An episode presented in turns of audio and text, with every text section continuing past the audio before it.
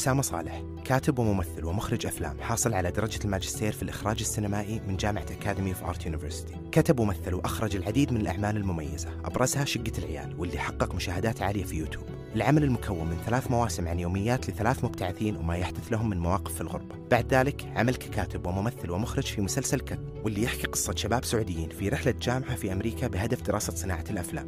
بعدها قدم أسامة مسلسل خريص أحد أعمال شاهد الأصلية الأولى كمؤلف ومخرج وممثل. ثم شارك في برنامج كروموسوم لصالح قناة SBC ك showrunner وممثل بجانب أعماله التلفزيونية مثل أسامة في عدد من الأفلام المهمة واللي نالت على عدد من الجوائز السينمائية مثل مشاركته في فيلم المسافة صفر وفيلم أربعون عاما وليلة. وكانت آخر مشاركاته كممثل في مسلسل فندق الأقدار بمشاركة عدد من النجوم السعوديين ومن إخراج محمد الهليل. في جلستنا اليوم راح نتكلم مع أسامة عن الطفولة عن الجامعة عن الغربة عن الكتابة والإخراج والتمثيل وعن شركة قطرب وخططها المستقبلية في صناعة المحتوى. بسم الله بدينا. أنا من مواليد الخبر. والله. إيه. مدري ليش كنت أحس الرياض. بس نشأ وترعرعت في الرياض. okay. إحنا يعني الوالد أنا دائما كل ما يسألني أحد أنت من وين؟ اخذ في خريطة. إيه. في خريطة يعني. أقول إنه أنا من مواليد الخبر. أبوي من أهل عرعر. okay. وحنا ك ك فخذ يعني فخذ من القبيلة حنا من أهل القصيم. والقبيلة تنتمي للمدينة فهمت؟ وفي الأخير أنا تزوجت واحدة من منطقة الجنوب وأهل الجنوب فهمت خلاص علي؟ سيطرت سيطرت على الموضوع كله. فهمت شيكت على؟ كل أحد أموركم طيبة أنا ببدأ أعيش بس حبيت أطمن حرفياً. إن إني أنا عندي كل شيء شيء من كل شيء فحتى يعني الشباب يعني أيام شقة العيال وهذا الآخر فكل ما يسأل أحد جديد فهمت هم اللي يجاوبون عنه. هو من كل مكان. يعني هو من كل مكان. فلا بس إنه أنا من مواليد الخبر آه لكن نشأة و- ويعني آه، ترعرعت في الرياض كلها. بالرياض درست إيه. بالرياض يعني؟ إيه. من الابتدائي؟ من الابتدائي كله. ووين بالرياض؟ أي هاي شرق الرياض النسيم الغربي. في النسيم الغربي أنا كنت في الربوة. آه يعني. يعني؟ بيننا كم؟ آه، نفس- نعتبر نعتبر شرق. حاليا نفس المدينة. حاليا يا أبوي نفس المقاطعة وحنا ال- ال east coast اللي يعني يخوف آه، خلق الله فهمت؟ فعلا يعني. في ناس لا يعني أنا أنا آه، سبحان الله يعني أنا دائما أفكر إنه كيف انتهى فينا المطاف في الرياض وفي الشرق ولما حتى يعني أفكر في أبوي الله يحفظه. الله يحفظه. أبوي آه، من الثانوي 18 سنة طلع من عرعر أوف. سلام. سلام يا شمال فهمت؟ آه ولما كل مرة يعني سبحان الله أجلس معه ولا أسولف ولا أعرف مثلا سواليفهم قبل مع عمي محمد أخوه الكبير وكذا إلى آخره. يعني أنت تعرف تعرف العائلة السعودية اللي مثلا في واحد قرر يسوي شيء ثاني. وقرر يسوي شيء ثاني ولن يصبح هذا الشيء إلا لازم في واحد من العائلة بيدعمه. بيدعمه بيقول له اي روح أنت ما تصلح أنت حرام تقعد هنا أنت بتنطلق للعالم كله. فأبوي من من عمره 18 طبعا أمي وأبوي أقارب أبناء خالة كذا. ف هم بالرياض أمي من أهل الرياض أبوي من أهل عرعر بس زي ما قلت لك يعني أهل عرعر هم يعني أجدادنا يعني راحوا للمنطقة هذه كلها. وجيت ف- شرق الرياض. إي ثم راحت الدنيا كذا بس بعدين يعني يمكن يدرس في في في الرياض تزوج. بعد حتى أو عفوا الزواج حتى أصلا كان بعد ما تخرج من الجامعة. درس شوي في جامعة الملك سعود كان يدرس طب ما ضبط الموضوع رجع مرة ثانية للعرعر ثم جته فرصة يدرس في جامعة البترول. امم ما هناك أنت دخلت. في الصورة. فهناك لا وبعدها يعني بعد فترة راح ودرس وخلص وإلى آخره. آه وصار بطل تايكوندو وصار شيء كبير وما أدري شلون وبعدين يعني بعدها تخرج مهندس ميكانيكي. وتوظف في شركة. وبعدين ما أحب إنه يكون في شركة أحب إنه يكون آه، في قطاع التعليمي عشان يكون أقرب آه، للطلاب ويحس الحياة كذا أجمل وبالتربية. ف فبعد ما تخرج تزوج. وفي فترة الزواج هذه كان في استقرار. فأخوي الكبير عمر من مواليد الرياض أنا من مواليد الخبر.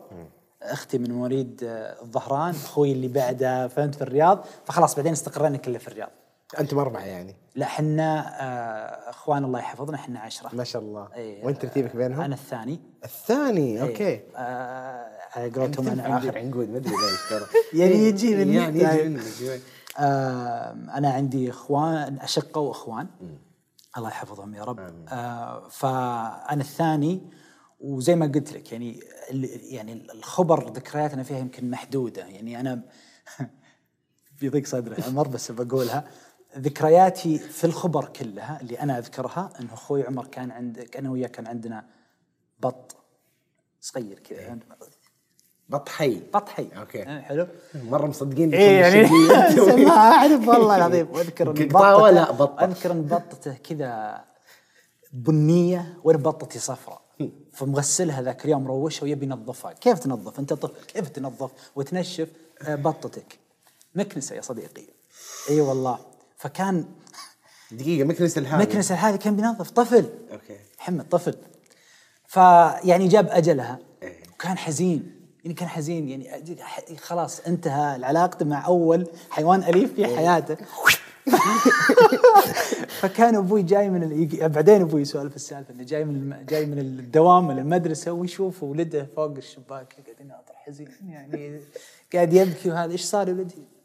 ماتت يعني لا ما ماتت الموضوع ما ماتت ها. اغتيلت اغتيال مو طبيعي خلينا نحط الأشياء في أماكنها يعني والله من غير قصد يعني إيش يسمونها هي ال- ال- ال- المانسلاتر اللي من غير قصد قتل ما هو. بس... لأنه ما هو سلاح فيه سهل. أصلا يعني مكنسه كان من دافع الحب ودافع هذا بس دافع النظافة اللي الله النظافة اللي الله يحرمنا منها. فكان كنت قريب من إخوانك في. البيت نعم. آه. يعني الوقت وقتكم كان على التلفزيون كنتوا تشوفون أفلام ولا أنا نشأت في بيت آه، محافظ. حلو. آه و خلينا نقول التلفزيون علاقاتنا علاقتنا معه كانت مضطردة يعني. كان إنه يجي ويروح يجي ويروح يجي ويروح.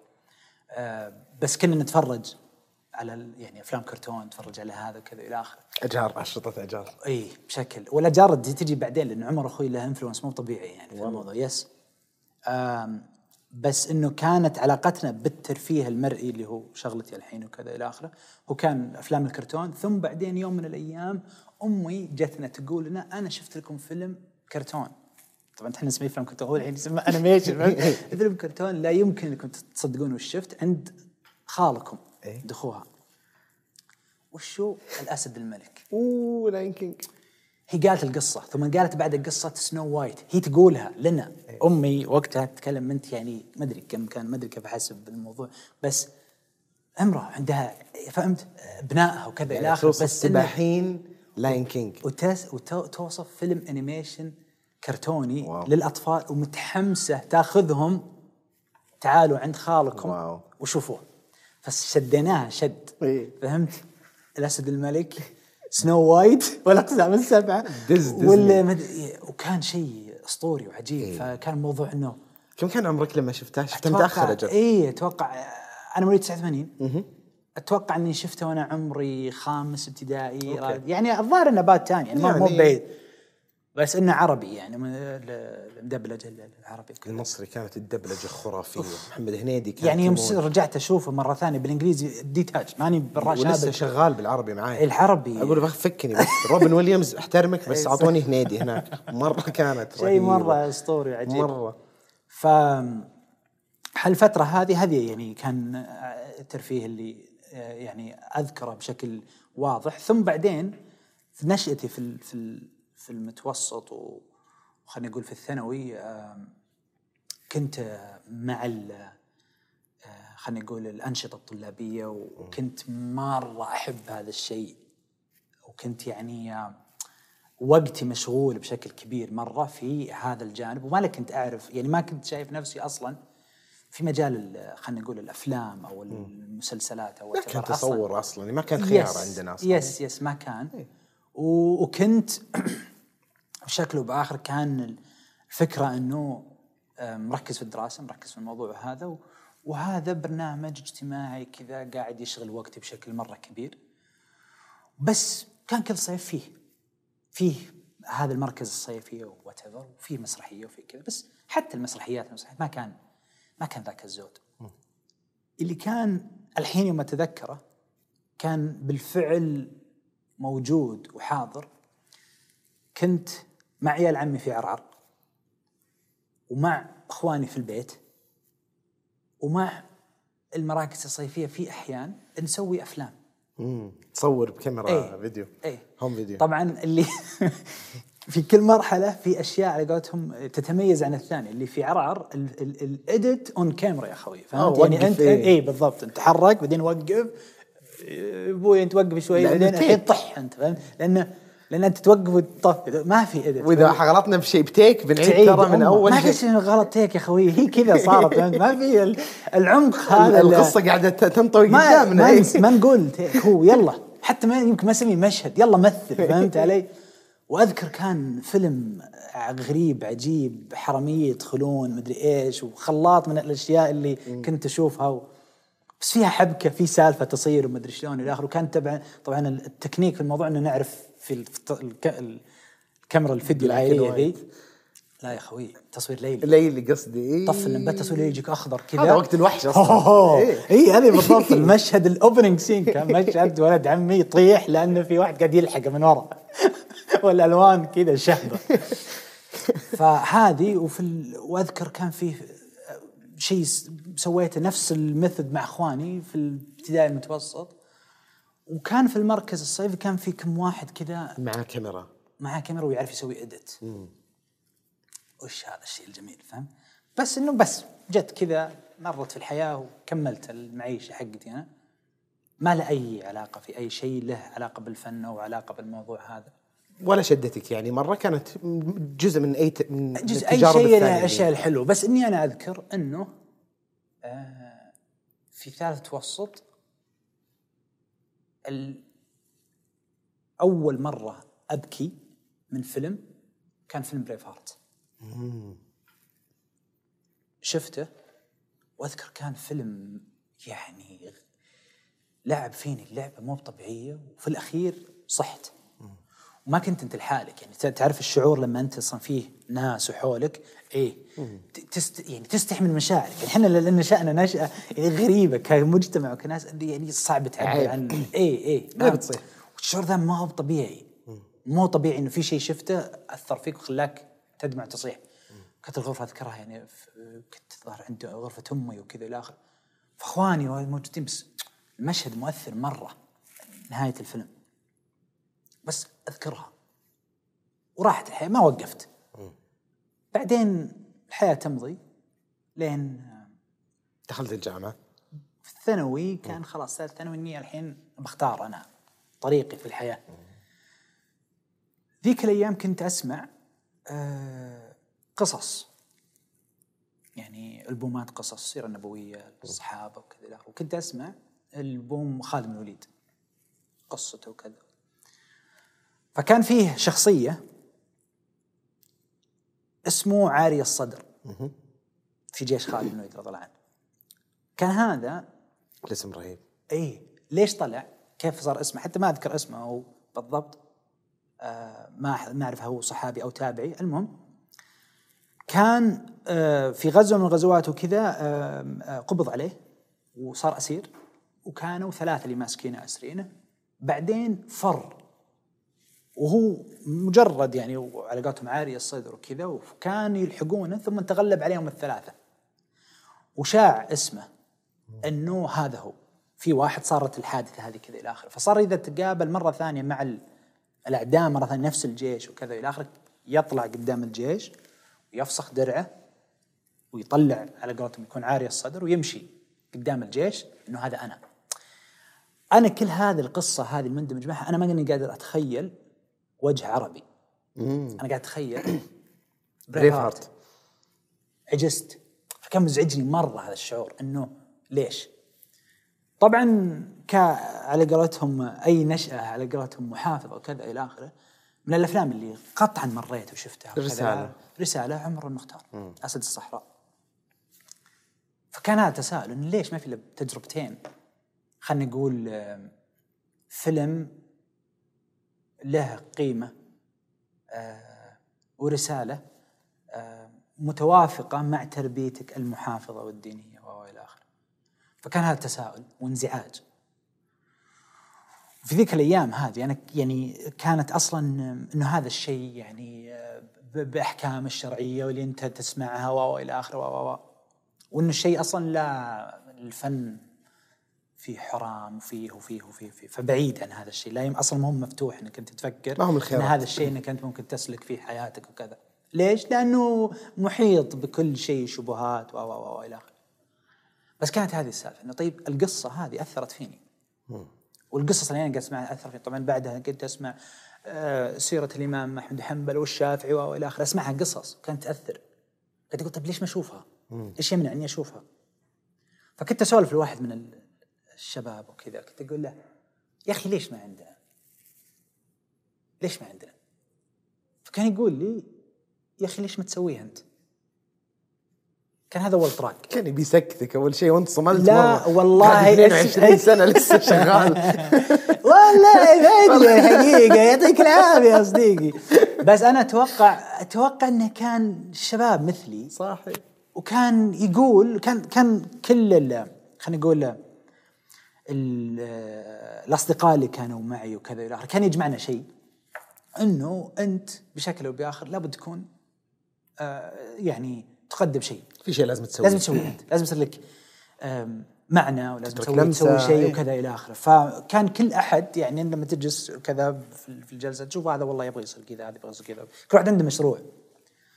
فكان ما كانت أصلا أدور على مشروع حتى أنا قبل وقتها يعني ماني بهذا النضج ثالث ثانوي يتكلم على واحد يعني بس إنه أعرف إنه أنا لابد يصير شيء لابد تكون أفضل لابد تكون إلى آخره وجت هذا عرض السواليف اللي انتهت بطراق اللي هو ليش بالفعل ليش ليش ما يصير وليش ما تصير أنت؟ إيش اللي يمنع إن أنت تصير ال ال هذا الإنسان المخرج؟ ليش ما تصير أنت مصطفى العقاد؟ ليش أنت ما تصير؟ وقتها كنت أنا خلاص على مشارف إني أدخل الجامعة وجامعة الملك سعود ما أبغى أطلع بعيد أبغى الرياض حبي للرياض ما أرق الرياض تالي الليل كله مش جميل آه فوقتها أوكي يعني وبعدين كم أخذت كم دورة ومو دورة حتى يعني جلسة مع مساعد مخرج في آه عمل ملحمي ما أذكره حتى للحين بس إنه يسولف على اللقطات وأول واحد شفته يسوي ذا الحركة ذي. فبدأ الموضوع يعجبني بشكل أو بآخر. وبعدين آه، جاء قرار إنه okay خلينا نختار جامعة. طيب واضح إني ما أعرف أنا وش أبي. بس يقول لك المال عديل الروح. ويقول لك المال تقوم بلد وإذا بغيت أي شيء في النهاية إذا معك اذا انت قوي تقدر تتوسع. تسوي أشياء. هذا 2006 الكلام تخصص. كلام دخلت 2006 الجامعة. تخرجت أنا من الثانوي. ثانوي. فكان في ثلاث خيارات. كأي شاب سعودي في ذيك اللحظة. طيب ما يبغى يروح. هندسة. إيه. طب. هندسة. وحاسب آلي كان توه مولع يعني. أنا قعدت أناظر أقول طب سبع سنين. سبع سنين يا حبيبي وعشان أبدأ آخذ كسب ومال تو ماتش لا معليش. وأنا أصلا ما أحب الأحياء والكيمياء فشيل يا مدير. الثاني هندسة خمس سنوات. ما طاح بس انبطح سبعة يعني. خمسة يعني. وش في شيء ثاني؟ حاسب آلي أنا وقتها حتى موجة ال... خلينا نقول الماسنجر وال... والشات والهذه ماني خاش الموضوع. لسه 2007 حتى 2006 7 ما كان في حتى جوجل. ما كان في تويتر. جوجل صح بس كان- فيها في BBM في هذا في- الشات الوحيد. واتساب لسه الواتساب يمكن بداياته. BB ما بعد طلع لي BlackBerry ال chat ترى أنا مر علي ومشى ما إيه لا لا، كان موجود من 2003 يمكن 4 يمكن يمكن. صح. إي بس أقصد هل هو كان بين الناس وكذا؟ والله ما يحضرني. الشاهد إنه أنا ما كنت منخرط في هذا العالم. منتديات. الناس تكتب في مدري وش وتقريت أنا في ذا وق- أنا مش هذه الأشياء ما أصلا. أدري إيش قاعد يصير فهمت. أنا مركز في حياتي اللي لا تتعدى أخوياي الأربعة اللي أطلع معهم وال ال- ال- ال- إيش اسمه أهلي وبس ودراستي ويلا من فضلك. فبقى الحاسب. حاسب طيب في فلوس okay. وش أصلا يدرسون؟ ما ندري. فرحت دخلت. وهناك عرفت في ثلاث تخصصات علوم حاسب نظم معلومات هندسة حاسب. هندسة خوي ديك الهندسة هج. وبتدرس خمس سنوات. فهي علوم يا نظم. قال العلوم وش العلوم؟ برمجة ما برمجة. أوكي. والثانية نظم معلومات يعني تحليل البيانات. ما حد يدري وش بالضبط. بس صوتها حلو. بس صوتها حلو. إيه. وهذيك برمجة هذيك تخوف. إيه. خلني على ذي يا خوي. فاخترت نظم معلومات. درست تخصصت نظم معلومات. information system في علوم الحاسب و computer science في جامعة سعود. وقتها حتى ما كان الكلية موجودة. إلى اخره كنا في مبنى أربعة اللي يسمونه مقبرة الجامعة ذيك الأيام فهمت؟ آه شوي شوي بدأت تتحسن الأمور وكذا إلى آخره. بس في الحاسب اكتشفت ال torrent. أها كان هذا البوابة. انت تحتاج تتخصص؟ تخصص عشان تحمل. تطبيق ببلاش. حرفيا. ولأنه كان في group هناك كانوا geeks ح- هذا هو. هذا قصة حياتي باختصار. محمد إنه كيف صرت قابلت واحد وقال لي ليش ما تسويها؟ قلت لحظة. فالزبدة إني دخلت الحاسب وبعدين دخلت في هذا ال group اللي علمني على ال torrent وبعدين وقتها Prison Break حريقة. صح. فكان هذا ال Prison Break. وبعدين كان في أشياء أخرى ثانية وكذا إلى آخره. وكان التضارب اللي بيني وبين نفسي فهمت؟ التضارب ال- آم، القيمي المفاهيمي. كذا إلى آخره، فكري. فحتى كنت يعني إنه لما أحمل الأشياء هذه لا يمكن أخلي أحد يتفرج معي فيها. حريمة إنك تشوف. ما- يعني وقبلها هذيك الأيام أصلا في الثانوي هذا أخوي عمر يوم أقول لك عمر له تأثير عمر كان عمر المكنسة. عمر ال- الغير ابو ريان عمر كان يشترك بال شو اسمه مكاتب أو محلات الأجار اللي بالنسيم وبال بال- بالديره بال- ما أدري وين المحل في الثاني. حولكم في. الملز إيه. وذا تهامة عنده اشتراك وحزوة. كان عنده اشتراك وكان يجيب وعشان يتفرج على الفيلم يقصص الفيلم ثلاث أيام أوف. لأنه ما يب... برضه نفس الشيء. اللي بقى اللي؟ بقى من اللي قصقصوه بيقصقصه هو اي إيه، حرفيا مو بيقصقصه لا انه يعني يشوف كل يوم جزء. لأنه ما يقدر يشوف رنة واحدة لأنه ثلاث ساعات ولا. وات بينقفط فهمت علي؟ أوه. اي لا أنا أمي كانت تسجل على المقاطع اللي تبقى ما تسجل عليها. إيه. فعادي جدا نص الفيلم. عوني كناني يطلع لك. سكاكه الكبرى 45 عظمه 45 عرفت؟ مشي. فهذا وكان يقول لي عمر إنه تعال والله في فيلم رهيب. ام سوري إذا ما حرام ما أبغى اشوفه بعدين وكان يجي يقول لي لا هذا فيلم مرة يصلح لك. يصلح لك مين إنه ما في حريم. فهمت؟ Shawshank هذا- Redemption اي يعني ما في إلا بنت. واحدة في البداية أذكرها. كان كل أحد مختب بالشيء ذا. شفتوا يمدينا نسوي فيلم بدون يا بنات ليش العنف؟ ليش لا؟ ليش ليش لا؟ ليش إيه محارش والله.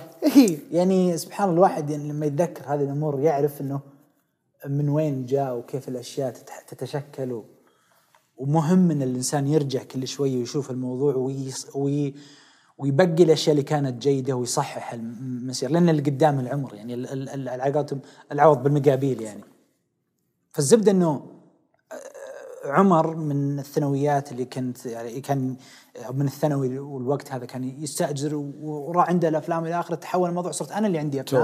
وصرت أنا اللي أحمل وصرت أنا اللي أحمل ويجيني عمر يقول آه شو؟ عطني. واجي أقول له اسمح لي سؤال تبي تصير مخرج أنت؟ هل عندك غاية من الموضوع ده ولا بس فلة؟ فلة اسمح لي والله أنا بعطيك الأفلام اللي تصلح أنا بقول لك ال- القصة زي أنا الوالده ولا صف انت أخواني صف انت أخواني وأقول. لك والله العظيم يعني أشياء كنت أتذكرها بس انه والله تبي هذه معطيني يعني فهمت؟ معطيني المساحة معطيني إنه أوكي تبي تصير مخرج وذا في ذي الفترة أخذت اختبار اسمه profile. ما أدري وش اسمه بس اسمه ضرب profile أذكره كذا. اللي هو تحديد الشخصية؟ الهوية حق الشخصية أحسنت. إي اللي يخت- يختارون الناس بالعاده تختار تخصص شكرا شكرا. بس واحد يبغى يختصر الموضوع بسرعة. إيه. أنا أبغى أعرف هل أنا أصلح حاسب آلي؟ هل فكرة الإخراج ذي واردة ولا ما عندي سالفة؟ أبغى أحد يقول لي من برا. أخذت الاختبار. نتيجة ملائمتي لوظائف الحاسب الآلي. ثلاثة. 60 65 مشي حالك. اي ما تبرمج بعدين أنا دا أنا أنا يعني. دا أنا اي أنا في النهاية ترى دافور. أنا يعني أنا الحمد لله كل ذا متفوق وكذا ف 60 بالنسبة لي ضيقة صدر يعني فهمت؟ بس العوض إنه يوم جت نتيجة الإخراج أو هذا 80 82 okay. وحاط لك ليش؟ اجتماعيا ما أدري وش شخصيتك تركيبة الشخصية. شيء زي كذا. فخلاص جت ال- العلامه الأولى. والأفلام. وقاعد أتفرج الأفلام والمسلسلات واتفرج بشكل جاد جدا. أنا أذكر كان عندي دفتر notes. كل ما يخلص الفيلم أرن ال notes كلها اللي ما أعرف أنا وشو كيف انقد فيلم أو أتكلم وكذا إلى آخره بس إنه أكتب وش اللي عجبني وأكتب وش اللي ما عجبني. ببساطة. إحساسك أنت أي. بس كيف تجربتك مع الفيلم؟ من شوي غير شوي. اي مبادئ وأساسيات في النقد يعني. مرة. شوي شوي عرفت سينماك.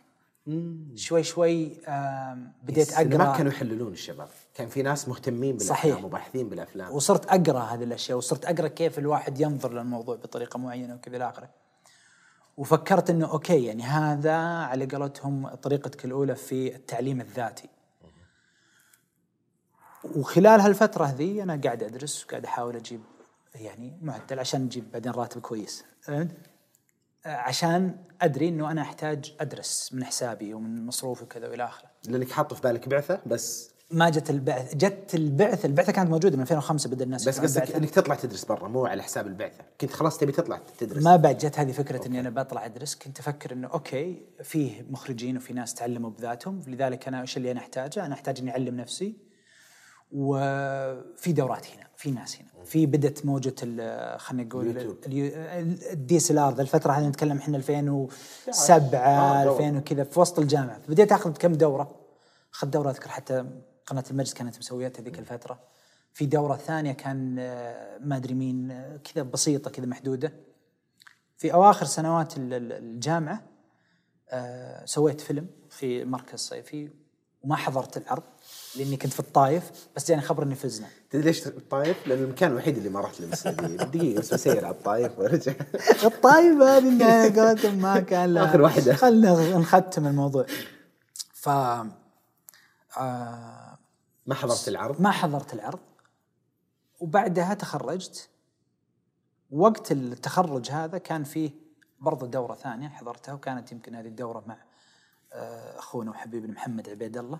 محمد عبيد الله كان يدرس ذيك الفترة في كندا يدرس في Vancouver Film School. وكانت أول دورة يعني تتكلم حقيقية. احترافية قصدك. وبشكل احترافي. والعلم وال وال وال والأساسيات اللي أهل الصنعة يصنعونها. يعني أكاديمية وتطبيقية بنفس الوقت. بشكل كبير. كانت أربع أيام آخر يوم فيها فيها التطبيق البسيط اللي حصل هذا. وقتها يوم دخلت الدورة كان يعني تخرجت وقدمت خلاص ناوي إني أطلع البعثة بس إنه أوكي خلني الحين أطلع آخذ الشهادة وتفر إلى آخره بس إني أبغى أطلع ببرنامج ابتعاث. لا أعرف كيف يصير هذا الشيء. أنا أبغى أدرس أفلام. وحتى قرار دراسة إني أطلع أدرس أفلام كان بطراق ثاني من أحد الأصدقاء. كنا نفس الشيء. إياها كذا كنا نشارك نفس كنا نشارك نفس الهم. نبغى نصير مخرجين. كلنا عندنا فكرة مصطفى العقاد ومدري إيش إلى آخره. بس جاء كتب في الفيسبوك.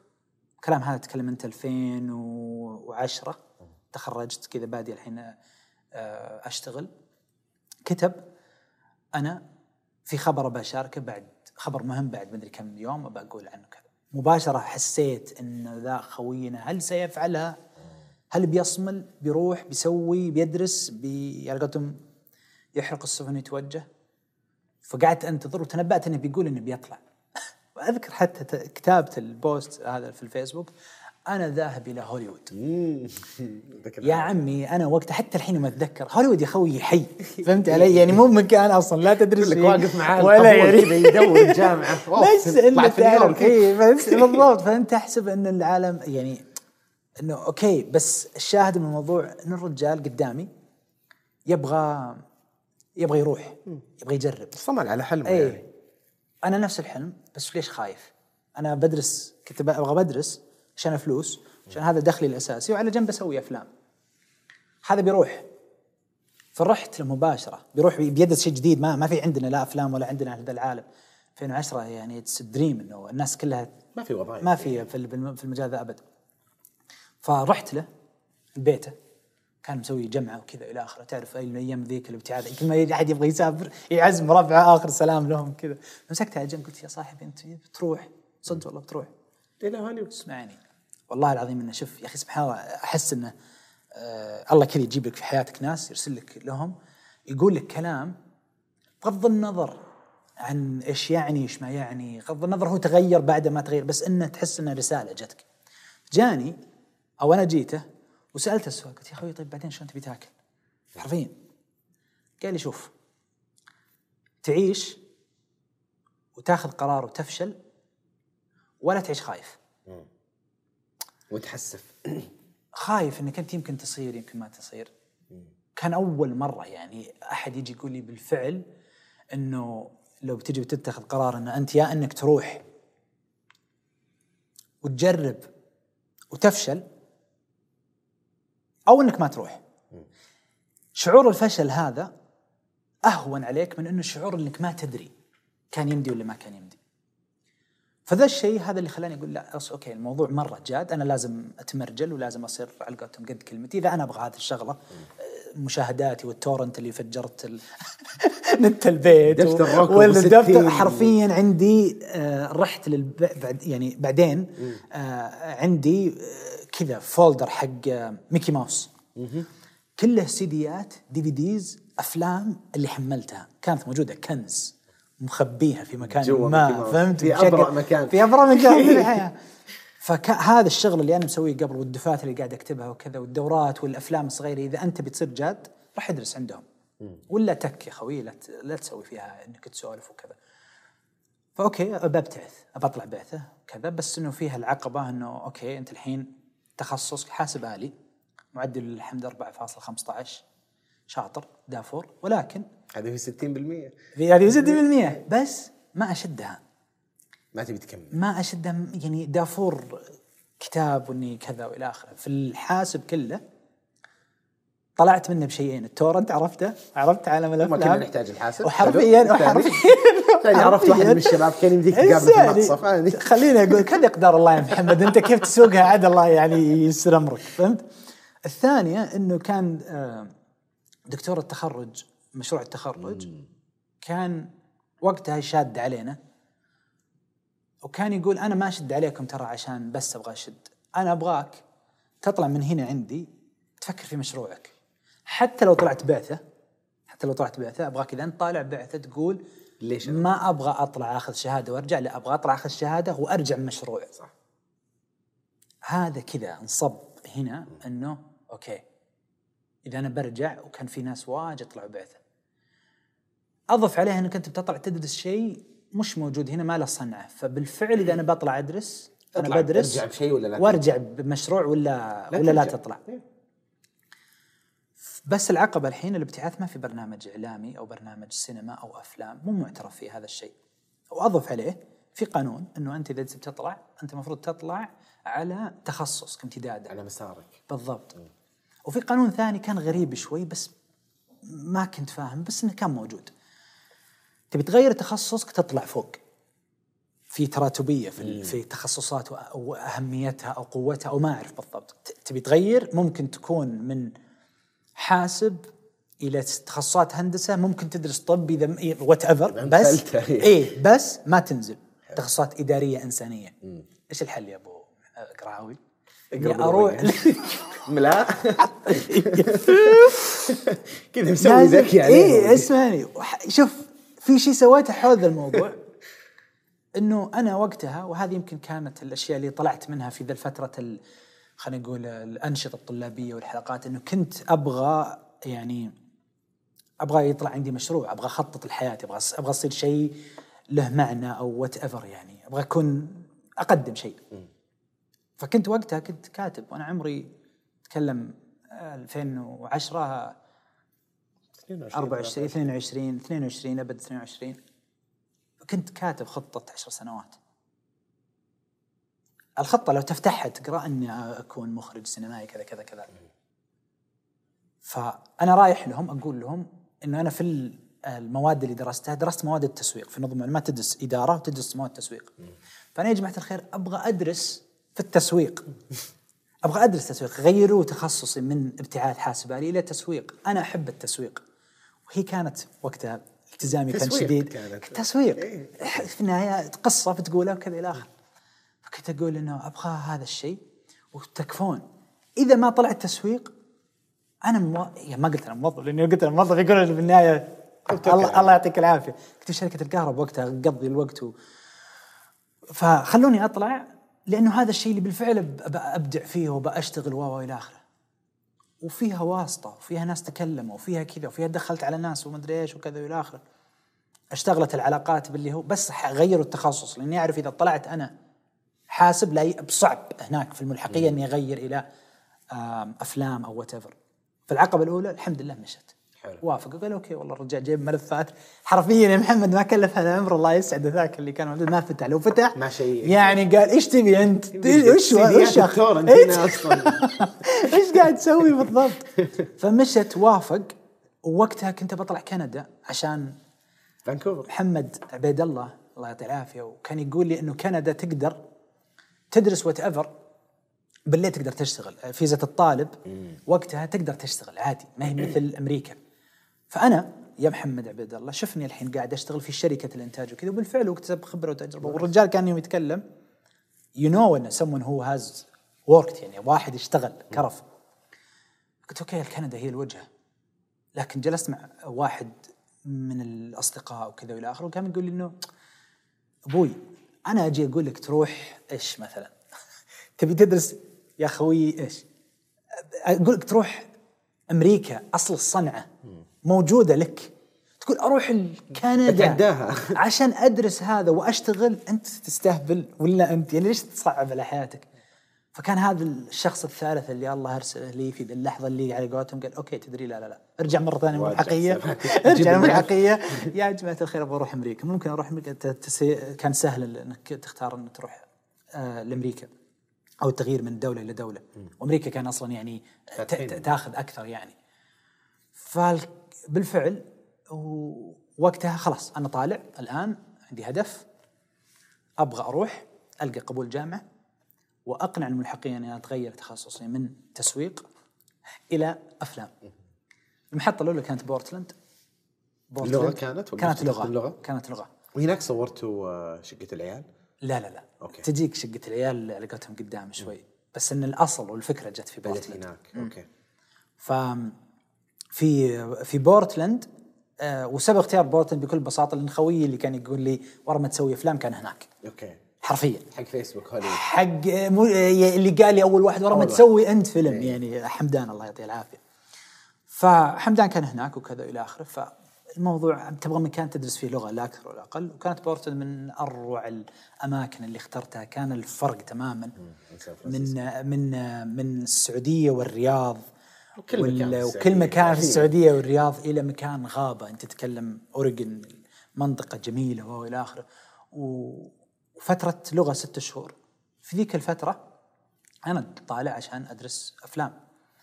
ف آه وقتها صار حدثين. الأول إنه كان في شقة واحد من الشباب. كان اثنين هم بس واحد كان هو الراعي ال- هو المعذب وكان دايم يعني راعي مواجيب وكل وقت لما نتجمع في ال weekend أو يجي ال weekend وين الوعد؟ الوعد في شقة العيال امم الوعد هناك شباب سعوديين نتجمع سوني بلوت كبسة مدري إيش إلى آخره بس فهمت؟ بعدين يمكن نطلع نروح نشوف فيلم whatever بس كان جدول كل يوم جمعة شقة بعد. الصلاة ثم تروح المطعم المندي هذاك تاكل على قولتهم غداك بعدين الوعد وين؟ في. شقة العيال هناك فالعالم هذا بدأ يترسخ عندي يقول شخصيات من أماكن هذه مم. أنا إنسان طول عمري في الرياض. بيئتي مرة منغلقة. جينيا مطشر على السعودية كلها. هذه ما نختلف عليها. بس بس اجتمعوا في مكان في مكان ثانيين. واحد. وفي وفي بورتلاند صار الموضوع هذا صار الهجين وصار كذا. وصارت قصة قصة المجتمع هذا. وقتها كان في كلام على الابتعاث. كان في كلام على الناس اللي هناك وعلينا كنا كمبتعثين وكان يزعجني مرة لأنه الناس كانوا ينظرون الشيء التصرفات المحدودة السلبية ما هم قاعدين يشوفون الخير إيه. اللي قاعدين إحنا فيه ورجعنا فيه للبلد والحمد لله على قولتهم عم المنفعة للجميع. كان ضايقني هذا الشيء. في الحدث الثاني اللي حصل إنه حمدان هذا خوينا تزوج. بس رجع. وهو على رجعته كنت آه، من شركة الكهرباء الله يجزاهم خير فترة شغلي الست شهور وأنا أنتظر ال- البعثة. جمعت لي قروش انتجت فيها فيلمين قصيرة هناك. وشريت لي الكت حقي 5 دي مارك 2 مدري إيش الشغلات هذه. فكان عندي الكت البسيط اللي ممكن يسوي فيلم أو مقطع. فهناك سويت مقطع كذا إهداء للرجال للطلاب كلهم شلون إلى آخره صورهم كل واحد يصوره. يقول إهداء. صاحبنا اللي تزوج. المقطع هذا انفجر. وقناتي في اليوتيوب ما كان عندها شيء ولا كان أصلا يعني فقط المبتعثين وتشوف ر- رفع كذا إنه عشان هم يشوفونه. عشان ترسل ال link يعني بس. حرفيا نفس يعني نفس ال- ال- ال- الفكرة الأساسية لليوتيوب اللي يوم كان من بعض أنا أبغى أرسل مقطع فيديو. زي WeTransfer حرفيا كان كذا. فشافوه اخويانا انبسط فيها صاحبنا حب الموضوع كانت من أجمل الهدايا اللي جته على كلامه. الله يعطيه العافية. بعدين فجأة واحد تكلم عنه في صحيفة وانفجر. مشاهدات 100 ومشاهدات كذا. واللي كان ماخذ راحته في الكلام اللي كان يسولف وكان يقول كذا ضاق صدره بعدين إنه الناس صاروا يشوفونه كان المفروض أصلا هذا الخوينا. بس إنه بديت أنتبه إنه أوكي أنا أحتاج أرجع مشروع. فكرة شقة العيال بدأت تتكون. هي ناس مجموعة كذا إلى آخره وفي شقة وتصير أحداث وقصص. اليوتيوب مساحة. لكن أنا نكرة مو معروف.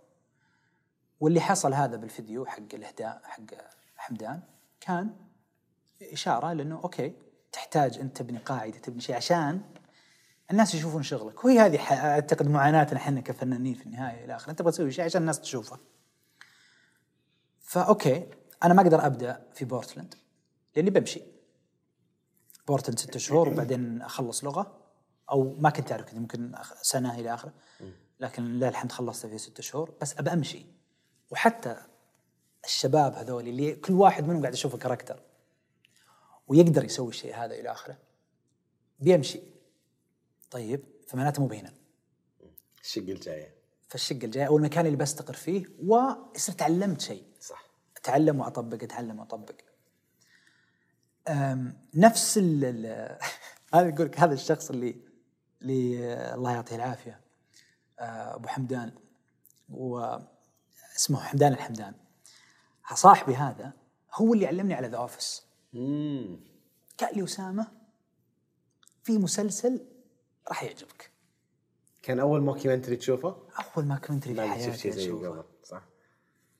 يا عمي أنا انتبهت له انتبهت له 2011 في ذاك الفترة كان آخر موسم لهم. صح. فأنا شديته من البداية وقاعد أشوف عالم عظيم وطريقة سرد قصصي أسطورية. فقلت هذا هو هذا. هذا هو ستايل شقة العيال لو بيصير. بس مو بهنا مش في بورتلاند.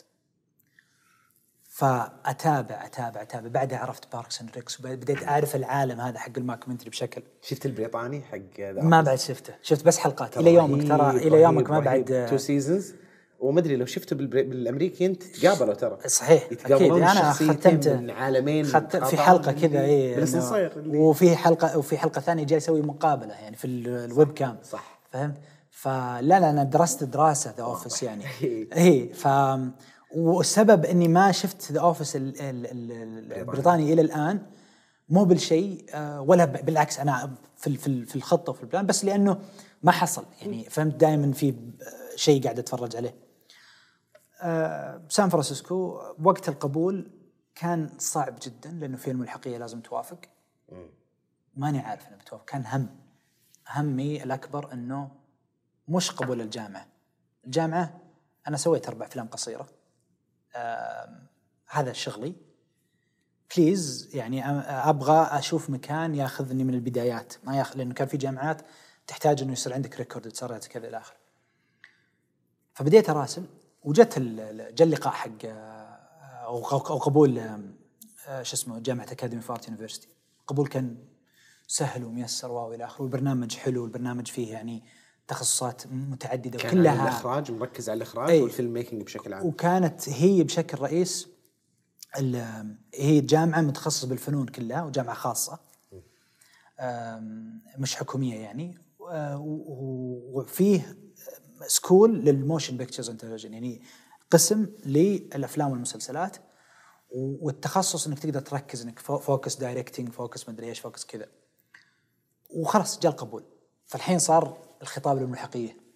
أول خطاب ومعروض كتبته في حياتي كان لهذا العرض. خلاص. أنا رامي نفسي عليك فهمت؟ كل شيء. عليك. عليك.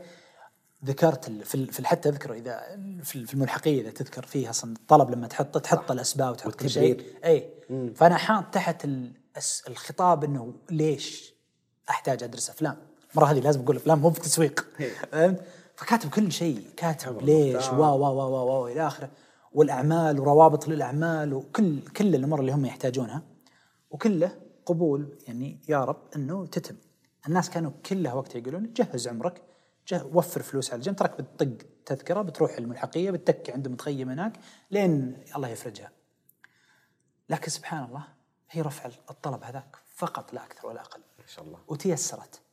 إنه وافقوا وكانت أصلا المشرفة الله يذكرها بالخير كانت جدا صعبة مع الطلاب وتدق- وتدقق عليهم. كانت أم حرفيا أم. ف بس تساهلت تليفون، معاك. تساهل معنا ما خلاص خلص الموضوع. جاء القبول. ذا خلاص سلام يا بورتلاند شكرا لكم يعطيكم العافية نلقاكم على خير. نختار من الجامعات يمكن انك كنت تختار ما أبغى أروح لوس أنجلوس. ليش؟ ليش أسامة تبغى تروح لوس أنجلوس؟ أكيد غالية. إيه. فرحت سان فرانسيسكو اللي سان فرانسيسكو يعني اللي سبحان الله. إيه، طلعت. اغلى إيه. طلع شيء مجنون. وال homeless ال homeless في كل مكان يا صاحبي. وشفت الشارع ال Tenderloin حق حال مشن. اللي إيه حق Pursuit of Happyness الفيلم حق ويل سميث وهذا والحياة شلون. فاختيار كان للأسف ما كان سبحان الله ال- الأفضل. بس الآن يوم أرجع وأتذكر الحمد لله انه كان سان فرانسيسكو، الحمد لله انه كانت Academy of Art، الحمد لله أنه كل شيء المجموعة حصل اللي. تعرفت عليها بالضبط. في الفترة هذيك بديت أدرس تتكلم أنت الحين 2012 بدينا ندرس بدينا كل شيء. بس إنه آه أوكي المشروع أبغى أسويه هذا شقة العيال. بس مطول لأني ما أعرف أحد. لسه ما تعرفت على أحد ما في. سعوديين. لسه ما تعرف العجمي. ما أعرف أبو عجمي. صالح بقول لك كيف تعرفت عليه. لا هو ولا راكان. أوكي. مر ال semester ال- الأول كان spring اللي هو الفصل الثاني. ما في أحد ما تعرف أحد. جاء الصيف أنا أمشي في أمان الله. وجاء الاكتئاب جل هذا لأنه كنت أنت في عز في عز شقة العيال الأصلية تعرف في بورتلاند عند الشباب وذولي. وهناك ما في أحد حرفيا. يوم من الأيام بالصيف إلا أشوف واحد كذا طويل ما شاء الله تبارك الله لأن لو- اللي قلت طويل من دون كذا الحين ممكن يدخل فجأة يطعني أنا وياك. لازم تقول ما شاء الله تبارك الله لأني يخشى ان إذا أنا ما قلت ممكن ينزل. بيقصر. ما أدري يعني. المهم خوينا إحنا حابينه وقابلينه ولا عندنا أي ونمشي مشكلة. يعني نتقبل فطو- عقد الآخرين. بالضبط. طويل ما شاء الله تبارك الله وكان كدش مو- موضة الكدش ذيك وقتها شجره تمشي. حرفيا وش ذا القشعة؟ كذا قلت له أنا. وش ذا القشعة؟ هو لا طاق الجيرزي تشيلسي كذا عراب شلونك؟ هلا والله اللقاء كذا، الأول. شو السلام عليكم أنا أنت ما تدري محمد أنا ما شفت سعوديين لي فتره أنا يلا بلا. ألقاه ويعني ما لي فتره ما شفت سعوديين فهمت؟ فلقيته. هذا ال pick up line. وش ذا القشعة؟ اي وش ذا القشة؟ السلام عليكم وعليكم السلام شلونك؟ طيب ما شاء الله انت جاي هنا. واضح الشارع نيو مونتجمري ما عندي يعني وش جايبك يا كابلن المعهد ذا. إيه. وش إنك ما أنت في كابلن. ولو في كابلن ما عندي خلاف بس وينك فيه؟ أبغى أشوفك. ولا الجامعة اكاديمي في ارت المبنى الر- الرئيسي. قال لا أنا لا لا أنا شو اسمه في الجامعة نفس التخصص؟ وذا. لا جاي يدرس تخصص آه، عمارة. أي. فحلو ما شاء الله تبارك الله. الله يوفقك. نتشاوف على خير وكذا. راحت الدنيا. شوي هناك أسسنا النادي السعودي. أنا وواحد من الشباب سعود الرسلاني الله يذكره بالخير. أه وأذكر حتى التأسيس كان فيه شيء غريب جدا يعني إنه أنا وياه أسسنا. بعدين إنه أنا كنت أقول إنه يمكن هذا في طبعي إني أنا ما أبغى يتطول الموضوع أبغى النتائج بسرعة. هذا للأسف شيء فيني قاعد أعالجه. إنه عندي مشكلة في الصبر. فأبغى النتيجة بسرعة. وهو كان يبغى ياخذ الموضوع بشكل نظامي. إنه نادي سعودي في اثنين لازم يعترفون فيني في الجامعة وفي الملحقية. أس... ضبطنا الموضوع من الجامعة وتأسس الموضوع مباشرة أنا وياه كذا إلى آخره خلاص إحنا بنكلم الناس وتسوي نادي سعودي. هو عشان ياخذ الموضوع ويصير ياخذ الاعتراف من الملحقية أنا هنا اللي زي ما تقول قلت أوكي مدري إيش. خلاص روح روح دخلنا معاملات روح روح شوف لأن أخاف إنه ممكن يتأخر وكذا وإلى خلينا نمشي خلينا خلينا نسوي شيء خلينا نجمع الناس. الغاية عندي أنا أبغى أعرف السعوديين عشان مشروع شقة العيال. حلو. آه فوالله هو راح توكل على الله وبالفعل أخذ الم- المسار هذا. وكان في قوانين معينة إنه لازم يكون مثلا في ال- ال- اللي هو أعضاء آه، أعضاء فريق أو رئاسة النادي يكون فيه آه، طلاب وطالبات والى آخره وكذا. فأنا وقتها زي اللي قلت له خلاص روح كمل. وبعدين هو يوم كمل الفريق وكذا إلى آخره بقى شيء زي ما تقول عب الوظائف. والله أني يمن عليه فعادي الموضوع ده لأن في النهاية تعدل الموضوع. تعبت الوظائف كذا إلى آخره فأنا وجدت نفسي إنه في وظيفة بسيطة أو دور بسيط. قلت له تدري أنت فيك الخير والبركه انت الفريق. الغاية تمت. فتم تاسيس الفريق. وقت التأسيس الفعلي ما كنت أنا في الصورة بس في السعي أسسناه سوا. صار أول لقاء كان اليوم ال- الوطني. كان في عزيمة قبل قابلنا فيها مع عبد الله الشريدة الآن هو اللي على قولتهم مؤسس جذر وإي كيو وال- والسواليف هذه. المهم إنه تقابلنا تعرفنا تعرفت على فؤاد الخطيب تعرفت على ركان زاهد تعرفت على الشعب. بديت أحقق ال- الهدف اللي أنا يعني أبحث عنه وكذا وأسعى له. لكن مباشرة كذا صالح العجمي جاء في ال في ال في ال شو اسمه على قولتهم في, في اليوم الوطني وهذا وبدينا نشوف الشخصيات على حقيقتها. أنا الفكرة باختصار كانت إنه أبغى أقول قصة عن شقة فيها ثلاث أصدقاء من مناطق مختلفة بس جمعتهم البعثة في مكان واحد في حياتهم. أبغى واحد ليه تبي تقصد القصة؟ لأنها قصتي. ليه؟ تبي لأنه- تتدرب؟ تبي تطلع بمنتج؟ تبي لأنه كان في دافع ولا في- حماس خلينا لا لا؟ لا هو هو واحد قلت لك إنه كان في أفكار عن الابتعاث وعن حياتنا وأبغى أقول رأيي بس ما أبغى أقول رأيي كذا كلام كلام ولا مدري إيش وكذا. الشيء الثاني أنا برجع مشروع وأعتقد إن هذا هو المشروع، كنت أشوف إنه أوكي يعني الناس الفيديو اللي نزل عنا كمبتعثين سمع. ولا سمع الناس والناس مبسوطين. وأنا أذكر برضه كيف كنت أتابع قصة الابتعاث والابتعاث والشيء الثالث إنه براكتس أتعلم وأطبق صنعتي هذه اللي هي الإخراج. فهذا هي تتحقق في هذا ال- ال- ال- التوليفة. وهذا المشروع اللي برجع به زي ما قال الدكتور ال- مشروع تخرجي في الحاسب الآلي إنه أنا لازم أرجع مشروع. فمشروع متكامل. بس إنه مشكلتي إنه أنا أبغى شخصية محافظ. وأبغى شخصية واحد قبلي. هذا صالح في الحجاز وأبغى شخصية واحد حجازي. كذا بس خطوط بسيطة قصص هذا كذا. سان فرانسيسكو كان يعني لما تروح بورتلاند كان كلها النجد والقصيم. كذا كله هناك. فهمت؟ ويتجمع. وهذا طبعا كمبتعثين نادي بعض. إيه. سان فرانسيسكو كانت في شيء طار كذا فجاه فهمت؟ قعدت. لا زي الأفكار كذا رد تعالي- تعالي. آه سان فرانسيسكو كان كان كان منطقة الحجاز. أهل مكة وأهل جدة وأهل كذا وأهل كذا. فذي الخيارات موجود كثير. بس تبي ال- اللي ال- يمثل ال- الجانب القبلي. الجانب القبلي والمحافظ. والجانب المحافظ. ما في. ما ما يعني ابغاه بالشكل اللي أنا أبغاه. من القبلي من منطقه من المنطقة الوسطى. القبلي ابغاه يفهم الأشياء هذه ويجي عليه الموضوع و و و إلى آخره. فصالح شفته في اليوم الوطني شفت الأوديشن كذا أمامي. فهمت؟ كيف تتعرف على فؤاد الخطيب؟ وكيف صار ال- الضحك والهذا؟ مش قلت؟ اسمع خلاص، حبيبي. بالله تعال. أنا عندي مشروع. كذا كذا كذا. أبغى أسوي مسلسل وأنا أشوف لك دور. أشوف لك يعني. أنا قاعد أدرس أفلام والحين وكذا. تم خلاص تدري أنا والله إني أبغى. تم. صالح يعني ميزته إن الرجال صملة. يعني ال- الشيء إذا هو معجبة. ويبغى يصل له يروح لما يحققه ثم بعدين خلاص يقول أوكي أنا أكتشف شيء آخر أو إني أكمل فيه فصمل قفلنا دور ال دور ال- البدوي أو دور القبلي آه، أو يمكن الوصف الأفضل بدوي لأن القبلي في النهايه صح. ابناء القبائل متعلمين إيه لا كان بدوي. وكان هو اللي البدوي اللي. أنا أهل على. قولتهم إيه في علوم اي في- اي اي بالضبط ويعني هالجانب كوميدي لما تعكسوا على الحجازي اللي ما هموا الموضوع اللي- وفيهم صراحة بينهم بالضبط بعض. اللي يعني البدوي هذا بي بيمثل الطب الطبع الاجتماعي اللي عندنا. المحافظ هذا والمطوع بيمثل الجانب ال- الفكري. الفكري والديني وهذا. وهذا الجانب العقلاني الجانب اللي اللي منفعي أنا علي أنا وش يعني لي هذا الشيء وت- وتضارب هذه الأشياء ذي مع بعضها وكذا. وبنفس الوقت حياتنا وقصتنا وكذا إلى آخره. فخلص هذا الموضوع. طيب بقى شخصية الحجازي وشخصية المطوع؟ أنا ذا الفترة في الصيف درست مادتين غيرت في حياتي. مادة تاريخ السينما والأفلام ومادة directing actors إخراج الممثلين. هذه directing actors درسني إدواردو رافسن الله يذكره بالخير. دكتور برازيلي يسميني my Arabian son ولدي العربي. ليش؟ لأنه هذا ال class كنا لازم ندرس آه كيف نوجه الممثلين.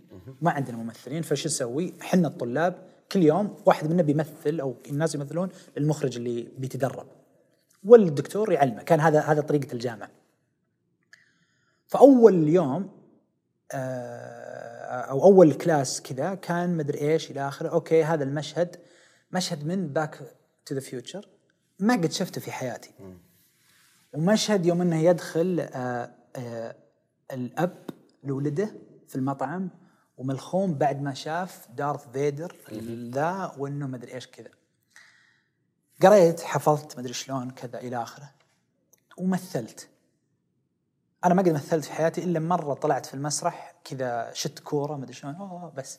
ما قد مثلت. ما قد وقفت قدام ما قد مثلت قدام كاميرا ما قد مثلت كم ما قد مثلت فيوم طلعت طلعت مربوك مربوش. ال R حقتي حقت أبو عراب يعني ترن. what are you Darth Vader came to me last night ومرخوم ورهبة الموضوع. انهبل.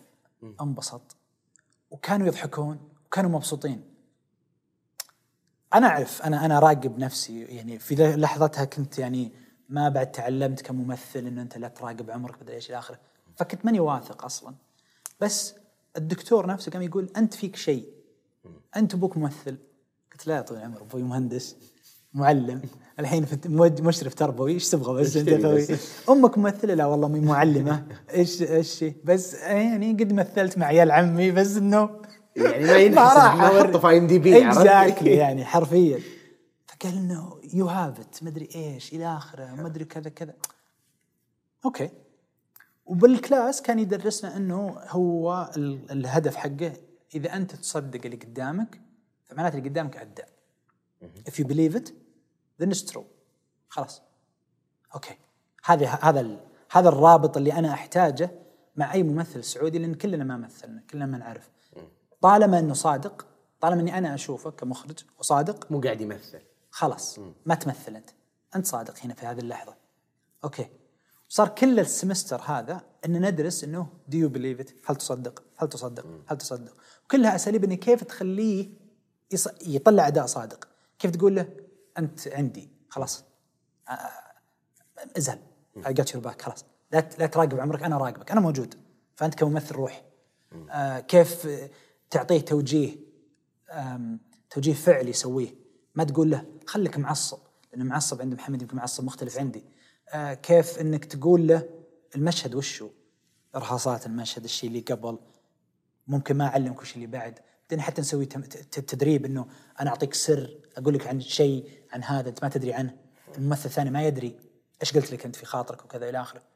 والأساليب والسؤال فكان درس مكثف في الصيف إنه كيف تتعامل مع الممثلين. وكنا كلنا طلاب ما حد منا ممثل. فحرفيا هذه قصة حياتي مع الطلاب ومع صالح العجمي والشخص اللي يمثل الشخصية الحجازيه اللي تعلمته على طول. طيب ال course الثاني اللي هو كان تاريخ الأفلام هو اللي كمل اللي قاله إدواردو إنه أنت ممثل ممثل. كان وقتها ندرس إحنا تاريخ السينما.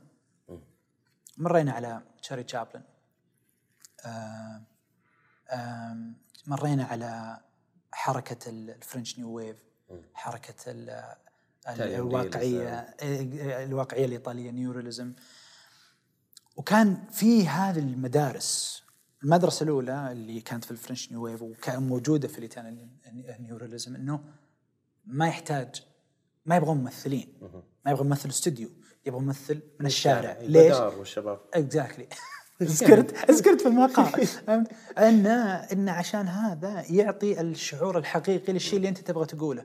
بعدين دوغما 95 المدري إيش كل الحركات هذه الفنية اللي أنا قاعد أدرس وأنا أستمتع.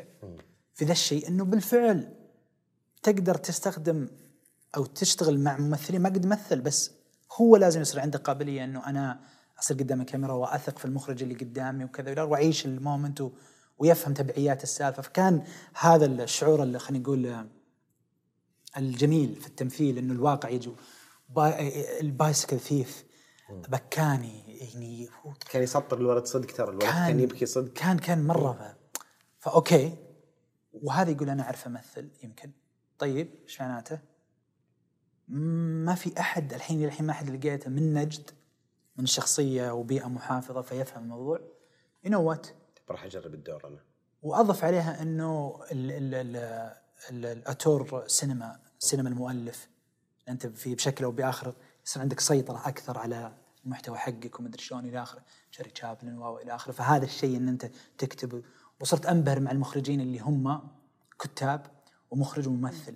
إيش القبعات الثانية تلبسها؟ أنت هذا الشيء لا وينتج بعد إيه. وينتج وكذا. كيوبريك بول توماس أندرسون إيه كلهم وقائمة تطول فقلت okay تدري خلاص ماني مسوي cast الدور إلا إذا لقيت. بس خلاص دور المطوع هذا انتهى. بقى دور الحجازي. لقيت واحد من الشباب بالفعل وصورنا pilot. ال pilot صورناه في شقة راكان زاهد وقتها هو فؤاد كانوا هم مره مميت أنا في ال downtown في سان فرانسيسكو. ووقتها كان مجموعة شباب آمنوا بالموضوع. بس آمنوا بال- بال concept بدينا نجي وكلها من قطتنا من شغلنا من كذا إلى اخره بس إنهم مبسوطين. لأنه في دوافع في في حركة أي حركة اليوتيوب في السعودية بدأت تشتغل الحين 2013 إحنا نتكلم. في تلفاز في يوتيرن في في في شغل في قبل اي بالضبط. في في. أشياء. فا okay هذا مشروعنا هذا مشروعنا هذا مشروعنا. صورناه على ثلاث أسابيع ثلاث ويكندات حلقة pilot كنا نبغى إن نشوف ذا الحلقة ثم نبغى أعرضها على جمهور خاص وبشوف هل ال mockumentary حق The Office طريقة شقة العيال هذه شغالة. هل شغالة؟ تفهمها نضحك ما إحنا مضحكين كذا. صورته وانتهى المطاف. انتهى المطاف على. طرده من ال من من ال من الشقة. okay. مو طرده يعني كثرنا إحنا. لازم تفهم هذا الشيء برضه إنه انت لما يصير عندك مشروع أو عندك يعني شيء تبغى تسويه أحيانا ترى لا تثقل على الناس لا تثقل الموضوع. يعني آه، كن آه، لبق وبشكل أو بآخر عشان تصنع هذا ال- ال- الحلقة الأولى ثقلنا على على الشباب في في في الشقة. فكانوا كنا أصلا نبغى نصور الحلقة بعدين في ديسمبر إجازة ال- الكريسماس هذه نبغى نقعد نصور ثلاث حلقات. كنت كاتبها الأربع حلقات ذي كلها. صور الحلقة الأولى بعدين ذا الثلاثه ذولي صار الاعتذار إنه okay توكل يعطيكم. العافية. سر ما يا شباب إلى آخره. الفكرة ما ما, ما حد شاف الحين النتيجة. قاعدين يشوفون الشغل والطحن وهذا بس ما شافوا نتيجه okay رجعت السعودية. edit edit سويت edit آه بعدين رحت العنوان القهوة. كان عندهم هناك آه غرفة استاجرتها كانت غرفة مباريات. بس إنها سينما. خليتها سينما صغيرة. سينما صغيرة وناديت أبوي إخواني كذا إلى آخره. بذات تايم بالمناسبة. أبوي وإخواني كل أحد قد جرب معي في فيلم. شفت الأربع أفلام هذه أبوي مثل في واحد منها. حلو. إخواني خويي هو كان الطفل البطل الأول هو ذاك الطفل البطل الثاني. كنت موزع على العائله فوقت العرض هذا كان هذا أول عرض إنه فعلي بعد دراسة مشروع. أسامة منادينا في صالة يبغى دخلنا مقهى ما ندري ليش. دخلنا مقهى كذا. فجو وجو ناس من المعارف من كذا كذا إلى آخره. وشفت ردة الناس والحمد لله كانت مرة إيجابية. الناس مرة مبسوطين على هذه السالفة. okay عندنا. check. الجمهور السعودي بناء على ال 24 واحد هذا اللي هنا إيه، 24 في- كويس. في مرة كويس مره يعني. كويس إيه. 24 إيه. ال sample size حقك اي يعني. اي مو والله مو بطال يعني تياسير سبحان الله. إيه. البلاء الحين في سان فرانسيسكو. الفريق اللي يشتغل معي. وكم واحد ما كان معنا في الموضوع وكان عائق على الشقة نفسها. اللي هم أصحاب الشقة أصحاب يعني. ما الشقة. معاهم، اي يعني ولا بجاحة يعني. اي لا بس حرفيا اعتبروا الشباب. يعني معاك الشباب- للمشروع يعني. الشباب كان كان إيه. ف تم حجزت الغرفة في في الجامعة. كان في غرفة كذا في المكتبة. وناديت الشباب كلهم. وحتى ال- ال- ال- الأخوات اللي كانوا معنا في المشروع وكذا وشافوا كان sample كذا جيد. وكان الجميع مبسوط. واللي كان مصور معانا وقتها هاشم عينوس الله يذكره بالخير كان هو ال DP بكاميرته في 5D Mark 3 ومدري إيش إلى آخره كان one camera الشغل هذا كله ليش طولنا؟ ليش تعبنا الشباب ثقلنا عليهم؟ كان one camera فشافوا الحلقة وانبسطوا قالوا عندنا مشروع. فحتى يعني آه أنا كان مثلا فؤاد الخطيب فؤاد الخطيب بروكن كان في في شقة عيال في كل المواسم. كان ال pilot هذا هو المقنع له إنه yes حبيت ونبغى نسوي شيء أسطوري وعظيم وكذا. فبالفعل صار الموضوع إلى آخره. بعدين خلاص موجودين الثلاثة. however انه اللي كان يمثل الدور آه الحجازي هو واحد اسمه أحمد جعفر. أوكي. الله يذكره هذا في ال pilot. اي راكان زاهد كان كان يعني في ال pilot ماسك ال boom ويوم إنه ما عجبه موضوع وفي شيء سمع صوت قال cut okay. بغيت أذبحه أنا في ذيك الجلسة يعني. ليش تقول cut وكان عندنا ذا السالفة المخرج بس يقول بس كت المخرج. فهو كان يعني بالفريق بس ما كان ممثل ما كان هذا. ليلة التصوير في الصيف في صيفية من الصيفيات إنه أوكي خلاص هذا هو ال- الكل موجود كل أحد موجود كذا إلى آخره. بعدين أحمد صار له ظرف اللي يمثل دور حسام. ما هو بيرد صار له ظرف معين. ف وبعدين حتى يوم عرفت الظرف كذا الله يكون في عونه. بس وقتها مين اللي موجود من الشباب حجازي؟ هم كلهم الله يعطيهم العافية من الحجاز. إيه وممكن إنه يترك الشغلة هذه اللي بيده أقل شغلة أهمية بينكم وينزل. هنا. راكان فيه ذا الشخصية. بديت أتقلب الموضوع والسالفة إنه okay يعني يجي يوا كذا هو جريء هو اجتماعي هو كذا كذا. he could be the يعني ممكن يكون. امسك ركان على جنب ركان داخل على الله ملك واحد اثنين. أنا أشوفك. أنا أشوف فيك هذا الدور. أنا لا لا لازم. أنا تو شفت الدور. شفت الدور عليك. والشيء الثاني بديت أطبق سبحان الله ذا الكلام اللي كنا ماخذينه في ال class قبل فترة إنه عندي. أنا ماني ممثل صالح مو ممثل. صالح شارك في الأداء؟ كويس؟ ترى صالح ما كان يمثل. صالح أعطى من نفسه آمن بالموضوع أعطى من نفسه بس سمع. سمع الكلام اللي يقوله ومشى. لأن هي تكنيك بس. بقول لك ما راح أقول لك لا تعصب. بقول لك تراك انت تحب السوني حقك. ما تحب أحد ياخذ أغراضك بس وخليك أنت. وأنا إذا شفته بقول "مم، لا ما ما أحب اسمع ترى هذا سونيك. أخوك أعطاك إياه هذا اللي بقى. فهمت؟ فخلي علي الموضوع هذا بس قل يس قل. وصم له. راكان صمل وقال تم وكذا وتم المشروع صورنا أربع حلقات. شدينا امها أنا وفؤاد الله يعطيه العافية وقت المونتاج. وصار المونتاج تمنتج بظرف بخمس أيام غريبة عجيبة. آه، خسنا في الشقة يعني وأنا بهذا الوقت أصلا هم أصحابي فؤاد وراكان الله يعطيهم العافية آووني من سان فرانسيسكو آووني حرفيا لأنه سان فرانسيسكو غالي يا محمد غالي غالي غالي غالي أنا أنا المكافأة 1800 أنا 1400 كلها رايحة فواتير. wow.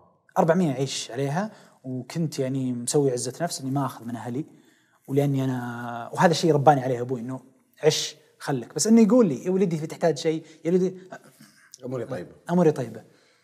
أه حتى ذا الشيء كان أصلا إلهام في في حلقة طفرة في الموسم الثاني وكذا إلى آخره. الزبدة إنه الشباب برضو من الأشياء المعززة في الموضوع إنه كل الثلاثة أو اثنين وأنا ثالثهم الحين في الشقة اللي بتكون مشروعنا. هاي شقتنا اللي نعيش فيها وإذا جاء الصيف نسوي مسلسل قضينا أنت مشروع فؤاد الخطيب آه، يعني يدرس برضو أفلام ومتخصص وقتها كان cinematography بعدين تحول صار آه، دراسة دايركتنج إخراج. وراكان زاهد يعني قد يكون هذا خط له في في التمثيل وكذا إلى آخره. فحنا في الشقة عايشين بعد التصوير وقبل التصوير وقاعدين نمنتج في شقتنا يعني. وخلصت الأربع حلقات وعرضنا الحلقة الأولى. وكنا قايلين المبتعثين. حقت الحلقة ال- لا عرضتوها على مبتعثين. خلصنا إيه. الأربع حلقات الجديدة. نشرناها سوينا حملة صغيرة. so ما في حملة يا أبو قرعاوي إيش حملة؟ trailer يا خويي trailer وسوينا لوجو الله يذكره بالخير واحد من الشباب مشعل المزيد هو اللي سوى اللوجو كان يدرس أصلا graphic design اللي دق آه، الأغنية حقت آه، ال intro. آه، ال intro هو واحد من الشباب اللي كان يتكي معنا ويجيب العود حقه وطلع في حلقة من الحلقات ويدق عود فسجلنا ذا النغمة هذه وصارت هذه هي نغمة لأن لها تعطي الطابع تعطي. الطابع وكان أصلا هذه الأشياء اللي أسمعها في ذيك الجلسات يعني مع مع الشباب وهذا في شقتنا. عرضنا أول حلقة وقايلين حنا حبيبي هي هي مليون ذي هنا. مليون أول مليون. وبننزل بننزل متحمسين كنتوا واقفين بيطلع. شادينها. نقول بننزل في رمضان مو بنكسر سوق اليوتيوب بنكسر حتى سوق رمضان. جدا. الصدمة كانت إنه أوف. طلع فيديو التخرج أكثر. يا عمي فيديو تخرج منجم. هذه يلا بالله خمسين ألف. بس اللي كان آه، جيد في الموضوع وعظيم الشباب هنا. في في السعودية الص- الأهل الصنعة وفي عالم اليوتيوب بدأوا يعرفونه. انتبهوا. تكلم أنت فهد البتيري آه، عمر حسين آه، عطاس علي عطاس كانوا كل أحد كذا. وكان مباشرة ذيك ذيك الفترة كنا نقول okay إحنا يا نروح على قولتهم آه، تلفاز أو يوتيرن أو أو يعني نبث لين يصير شيء وات وقتها اللي حصل بس إنه أحد من يوتيرن وصل أسرع فقط. وكانوا برضو كانوا الله يعطيهم العافية يعني متحمسين. متحمسين wow إلى آخره. فكان الكلام وتلاقنا بسرعة. من الحلقة الثانية نزلت ونزلت ب ب يعني بال intro يوتيرن وكذا. على خلاص. شبكة يوتيرن. على قناتنا. قناة آه، شقة العيال نفسها وكذا وإلى آخره. بس إنه من الحلقة الثانية صارت آه، بال- بالشعار معهم. ومن تسويق يوتيرن طبعا يعني. وتسويق يوتيرن وسمع. وكان مؤثر مرة وكان كذا والحمد لله. بس إنه يعني ما جاب المليونية في البدايات على طول. يعني ما جاب ما جابت على طول حلقة. ضربت فوق ما أدري كم مية ألف آه، كل حلقة وكذا. والحمد لله بدينا نرجع للسعودية وكان هذا المشروع اللي هو بالفعل okay خلاص الناس بدأت تعرفنا الناس بدأت كذا okay حلو. بس انه مسلسل منفصل متصل جربت أربع حلقات بعدين رجعت أكمل دراسة. فهذا هذا يعني هنا بدأ مشروع شقة العيال بس إنه كان في بالي إنه أوكي إذا أبغى بسويه فأبغى بسويه بثلاث مواسم بعدين نلم الليلة. حلو. فصلتم على الخريطة الحين موجودين. آه الناس انتبهوا لكم. إيه. جربتوا عرفتوا يعني كيف تقدرون تنتجون شيء وتنشرونه وصلتوا إلى اللي يسوق لكم إياه. صارت المعادلة واضحة. يعني نفس الطريقة انه putting yourself out there. يعني الناس إيه. اللي made it ولا الناس اللي they want to make it يقولون we're seeing it by putting ourselves out there. حرفيا. ما يعني. يعني. إيه لأن ما جاتك. أنا في أصلا في شغلة حتى ما طرقت بس إنه ما هي بذيك الاهميه بس أقول لك إياها. هي كانت مهمة في مرحلة. اللي هي؟ في ال في ال في اليوتيوب وقتها كنت أنا أشوف إنه okay أنا بسوي فيلم. طيب إذا سويت فيلم أو أو إذا سويت مشروع أو كذا إلى آخره كيف تقنع الناس إنه هذا عندك شيء أنت عليه الكلام عليه القيمة؟ صعب إنك تقنع الناس. زين؟ وقتها كان فيه مقالة قريتها كنت subscribe ل No Film School ذيك الفترة. فك- في مقال كان يتكلم إنه ال YouTubers والناس اللي يشتغلون على عمرهم إنهم يبنون ال brand حقهم عندهم احتمالية كبيرة إنه يصنع مشروعه لأنه عنده fan base وعنده access على ناس واجد ممكن يخليهم هي يوافقون. بالضبط. أنت تسوق أفلام. فكان أذكر آه، إيش اسمه جينا ماربلز الظاهر وش واحدة كذا YouTuber معروفة. اي وكان يضرب عليها المثال ويضرب على أمثلة ثانية ال film makers ثانيين يقول هذا طريق. أفضل من طريق إنك تروح باعتقاد الكاتب أفضل من طريق إنك تروح لسندانس أو مو عفوا سندانس إنه film, school، festival معين film film festival. تروح تعرض فيلمك بعدين شوفوا هذا الفيلم تاخذ أعلى شيء يمكن تاخذ يمكن 100 لستة 100 شخص ترسل لهم بعدين لو عندك انت مشروع تبغى تقنعهم. الطريق الأقصر طبع خويك اللي يقول لك عنده مشكلة في الصبر ويبغى الطريق المختصر. لك الطريق المختصر روح اعرض نفسك في اليوتيوب اعرض ابن ذا القاعدة. فأنا ماني معروف نكرة. عندي مشروع شقة العيال بس أبغى الناس يشوفونه إذا نزل. طيب إيش أسوي؟ أسوي شيء اسمه بربرة. حلو. فافتح الكام؟ وأسولف. كان في شيء سبحان الله كان ثيرابي شيء كذا أقول لك أنا حابب الجلسة اللي معك. لأن ذيك الجلسة كانت جلسات علاج أفكاري. ترى لما تتكلم بصوت عالي تسمع نفسك. أنا أحسنت. مرة يعني أنا لما أرجع. وأشوف أول حلقة كتبتها مقدمة كانت آه، بالنسبة لي محزنة شوي. يعني كا- كان كنت أشوف نفسي كنت قاعد أكسر هاجس إنه أنا است يعني على الأقل آم، يحق لي. شوف ما أقول أستحق. يحق. بأدب. يحق لي إنه أعبر عن نفسي. هل الناس بتسمعك شيء تسمع ما؟ تسمع. لذلك أنا الحين هنا في ذا البرنامج أنا أبربر لنفسي هذا الشيء قاعد أسويه لنفسي. لكني أقول ممكن في أحد في الحياة يمر بنفس السالفة فالله يحيي يسمعها حلو. بس لو ما تراني ماني قاعد أسويه for everyone قاعد أسويه لنفسي. بس هو حقيقة داخليا هو أنا قاعد أسويه أبني. تبني قاعدة. أبني قاعدة أبني ناس كذا عشان إذا طلع شقة عيال أقول لهم شوفوا. على فكرة. اي على فكرة ترى في شيء سويته. وبالفعل هو كان مستمر مدري كم حلقة 19 حلقة أو شيء زي كذا. الصيف اللي نزل فيه شقة عيال وقف ونسيته بعد ما تزوجت كنت نزلت حلقة بربرة نقطة 24 يا جماعة الخير ترى اللي كان هذا كذا كذا كذا. بس ذا الفترة يوم إنه تسولف وليش تأسس وليش مدري إيش إلى آخره هو كان محاولة إلى فك ال- الكود. تفتح الباب. بس ما في. أحد يعطيك ما في أحد بيقول لك تعال. وقت دراسة الأفلام وال وال والتجارب سويت فيلمين القصيره من الأربعة اللي طلعت فيها. كان فيه عرض في الرياض 2008 والله أذكره.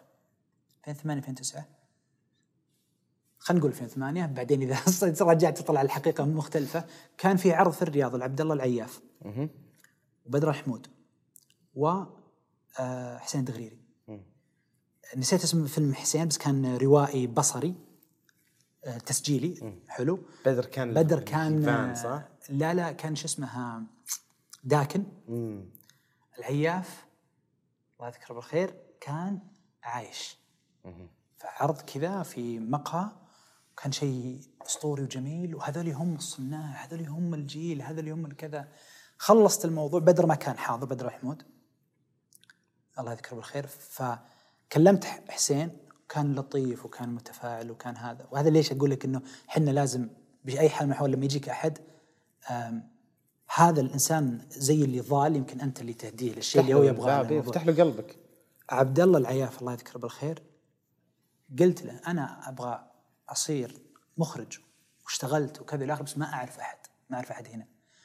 كان يقول لي برافو عليك يعطيك ألف عافية. تعال تعال إبراهيم مسيسيبي تعال. إبراهيم كان موجود. الرجال يبغى هذا وهو من أهل الرياض أنا من أهل الشرقيه شوفوا كذا. وتقابلت معه وكذا و... كان إبراهيم منتج وقتها. كان وقتها يسوي أفلام ويسوي كذا والى آخره. ووقتها شاف الفيلم شاف الفيلمين اللي سويته وكانوا حتى مبسوطين على أخوي الصغير. هذا هذا مرة يصلح للفيلم اللي عندنا جوان. طبعا ما حصل شيء وكذا. بس كان يقول إنه أوكي أنت وش تحتاج يعني؟ أنت مخلص الموضوع. أنا وقتها كنت أحتاج المجتمع ال community. وشويات وطلعت. بدر محمود في المقابله اللي ما حضر بس كان مرة تفاعله إيجابي ولطيف جدا في الفيسبوك. أرسلت له الأفلام وأخذ من وقته الله يعطيه العافية ورد.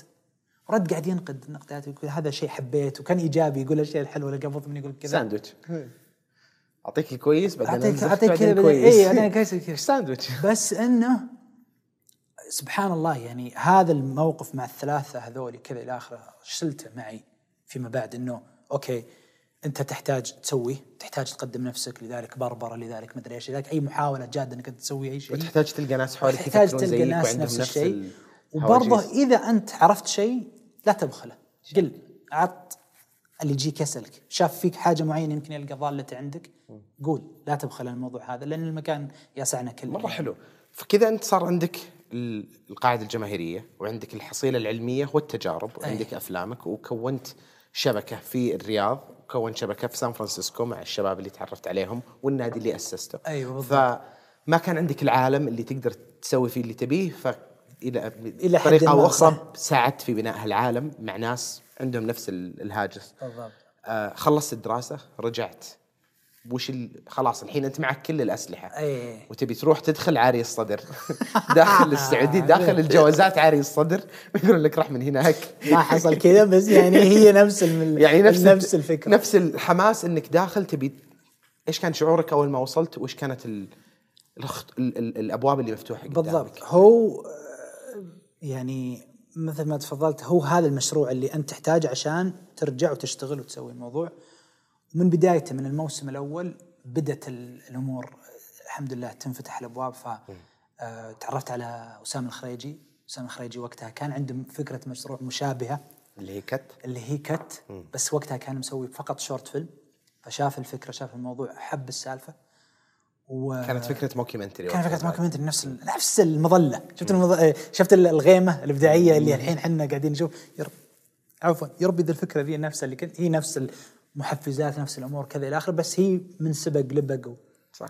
فوقتها الكلام ده 2014 قبل ما نرجع وهذا الحمد لله يعني الأشياء الجيدة اللي أنت ممكن تعلمتها و- وقاعد أقولها في كل فترة إنه أنت إذا اشتغلت يجيك شغلك. زي ما إحنا الشباب قاعدين نسولف لأنه راعي ديركترات مدري إيش إلى آخره راعي مقاولات وكذا و وما جاه الشغل ففلسفته إنه شغل شغل المواتر اللي عندك شغلها يجيك الشغل. اشتغل يجيك الشغل. فحصل تعرفت على أسامة؟ أسامة كلمني على عنده مشروع كان فيلم رواحل لازلنا مبتعثين.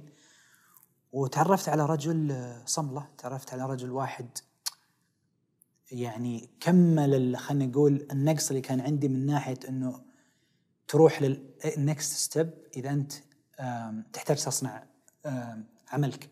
تحتاج ترمي نفسك تعرض نفسك على القبائل وعلى الناس تقول أنا عندي مشروع. الشيء هذا بدينا نسويه مع يوتير مع هذا رجعتنا في الصيف حتى قابلنا الشباب في تلفاز قابلنا كل أحد. بس إنه أسامة في فيلم رواحل آه، باع الفكرة أو عرض الفكرة وأخذ زي التعميد من الملحقية إنه ينتج فيلم عن المبتعثين عن أبرز المبتعثين. وتمول الملحقية. وتنتج الملحقية ويعرض في حفل الافتتاح. حلو. حفل ال- الخريجين. وكان فيه آه، دوكو دراما في جانب تمثيل وفي جانب كذا فأنا مثلت دور المستثمر وصالح العجمي مثل دور الطالب. وبدينا نسولف أنا وأسامة بدت الأفكار يعني بدينا نتشارك على قولتهم ال- المنشأ والذكريات. طلع آه، زي ما تقول آه، أبوه يعرف أبوي بس من بعيد ومدري شلون إلى كلهم معلمين كلهم كذا. فشيء عجيب يعني يوم تصير سبحان الله الدنيا صغيرة يعني. فمشروعه كان مشروع كت. وأسامة كان يبغى ينتج هذا العمل مع آه خلينا نقول آه مع بركان ناصر القصبي. وكان بالفعل أقول لك يعني هذا الشيء اللي آه أبهرني في الموضوع هذا أنه كان يسافر وحصل أنه دبر بطريقة معينة ج- لقاء واجتماع. نفس الفكرة ترمي عمرك أنت ترمي عمرك على الناس. دبر اجتماع مع بركان وكان عنده المشروع فكرته وجهزها وكذا إلى آخره. ويوم شافها بركان انبسط على الموضوع قال شيء مرة جميل ومرتب والأفكار حلوة وكذا إلى آخره. وأنا وياه بدينا الحين بدنا نفكر في الموضوع بس إنه هي فكرة ومشروع أسامة الخريجي ف وهذه الفترة برضو أسامة أنا داخل معه في كت وهو داخل معي في شقة العيال. في الموسم الثاني أنا تعلمت من أسامة الخريجي الإنتاج لأن هم كانوا هناك يدرسون في نيويورك فيلم أكاديمي في لوس أنجلوس. إنتاج. يدرسون إنتاج وفيها الأرقام وفيها بالفعل. الموسم الأول قطة. الموسم الأول يا صاحبي كل أحد شارك. الله يعطيهم العافية بيض وجيهم. كل أحد executive كل producer أحد يعني ما أقول كذا يعني تعرف في عزة الناس شيء، بس خليني أقول لك الشباب كانوا أكرم. بس خلني أقول لك في 70 منتج تنفيذي بس سبع- كان يعني. في 70 منتج تنفيذي. كذا اللي اللي يضيق صدره حده إذا ضاق صدره في الوضع والله ما سوي فهمت؟ يعني عارف ممكن يتوقف الشغل عشان نقنع هذا الشخص إنه يسوي الموضوع ده. الله يعطيه العافية. فالموسم الثاني لا صار فيه استثمار. صار فيه على قولتهم وش استثمار هو يعني أبو سامر المخاطر كذا إلى اخره سامر الخريجي قال أوكي كم تحتاج؟ شلون؟ ولا إلى اخره وبالفعل أنتجنا الموضوع. إنتاج كل أحد من الشباب الحين أخذ أجر. أول مرة أول مشروع في الحياة ان في أحد يأخذ أجر وكذا إلى اخره بعدين بالفعل آه، انتج الموضوع. بعدين انباع. فكانت كانت تجربة تجربة متكاملة. تجربة عمل متكاملة. أول شفت جانب ال business شفت, شفت جانب ال business الإنتاجي تا- ده. جانب الفني. بالضبط. أنا مخرج كاتب. أحسنت. صانع عمل إيه؟ فمن هذه اللحظة قاعدين نبني كت. قاعدين كذا إلى آخره. في هذه اللحظة تكلمت مع أسامة إنه أسامة أنا عندي رغبة إنه يكون لي دور أكبر من كوني رئيس كتاب ولا كاتب ومخرج. أنا عندي اعتقاد إنه أقدر أضيف في التأليف نفسه. ف please please whatever it takes يعني ايا كان خليني مؤلف شريك. وبتاخذ رجال. و يعني الله يعطيها العافية. وبالفعل يعني آه، اتفقنا على الموضوع هذا. كنا شركاء في هذا المشروع بس عارف الحين الشعور هذا إنه هذا قائد المشروع. هذا الشعور أنا حقه كذا إلى آخره. أنا مؤلف شريك له في المشروع هذا إلى آخره. 2014 ما صار شيء توقف المشروع. رجعت أنا يعني الابتعاث آه تخرجت. باقي الموسم الأخير من شقة العيال. وأنا انتظر زوجتي الله يعطيها العافية تتخرج. فش تسوي؟ اوبر تشتغل. تقعد فاضي؟ دق سلف وسجل في اوبر آه وبدينا نكد يلا من فضلك. بدينا نشوف ناس نشوف عالم نشوف شيء كان هذا أصلا هاجس برضو إنه العالم إنك تجد القصص ومدري شلون إلى آخره. بس اكتشفت إنه أوبر في الغالب يجونك يا ناس آه نظيفة ولا ناس فقيدة في آخر الليل فأنت ما يعتمد تاخذ الطالع، أيوة. اي يعني بالضبط. فما أنت تأخذ ذيك القصص زي فيلم تاكسي وكذا أنت بتشوف العالم المدري لا في لا احد يعني نايم ورا في حرفيا أنت قد ساكت وتعطي حلاوة فهمت؟ ولا موية يعني تسوي فيها جو وكذا. فاشتغلت الفترة كذا بعدين مع برضه في ذيك الفترة كان في مشروع وثائقي مع فؤاد الخطيب لجامعه أم القرى كان في ناس جايين من آه، من الجامعة آه، آه، رواد ويدرسون ريادة في السيليكون فالي في سان فرانسيسكو. فبدأ الشغل بدأ الشغل العملي اللي أنا أوكي أنا الآن متزوج أنا أحتاج إني أشتغل في صنعتي هذه إلى آخره. فهذه المحاولات بس لازلنا ننتظر كت كت مؤجل كت مؤجل كت مؤجل. وقتها كان نشتغل في سيلفي أبو راكان وكذا والى آخره. وكنت تنتظر آه، زوجتك تخلص بتاعها. وانتظر جوزتي تخلص ابتعاث خلصت خمس 2015 رجعت. لقيت لي وظيفة يعني الحمد لله كذا في قناة قناتين. ويعني وظيفة كمخرج ومدري شلون إلى آخره. ووقتها برضو كان في مشروع آه، لأرامكو مع الأستاذ عبد الله العياف الله يعطيه العافية. فيلم جود. كنت مخرج كواليس. آه، أو المخرج الشريك للكواليس. كان في فريقين في فريق بريطاني وفريق سعودي. آه، أسامة الخريجي مخرج شريك في الفيلم الرئيسي. أنا مخرج شريك في الفيلم الكواليس. كواليس. وكان هذا المشروع على تتكلم آخر 2015 بداية 2016 في بداية 2016 كنا نسولف وحنا قاعدين نلعب تنس مدري سكواش فهمت؟ في الانتر آه، في ال في الانتر كونتيننتال اللي في جدة. وقاعدين نتكلم إنه أوكي تدري؟ هو يسولف آه، أسامة. آه، الخريجي يقول أنا بكلم آه، أبو راكان إذا والله ما هو بصاير المشروع بستاذنه اني بأخذه بشوفه بشوف وين يروح.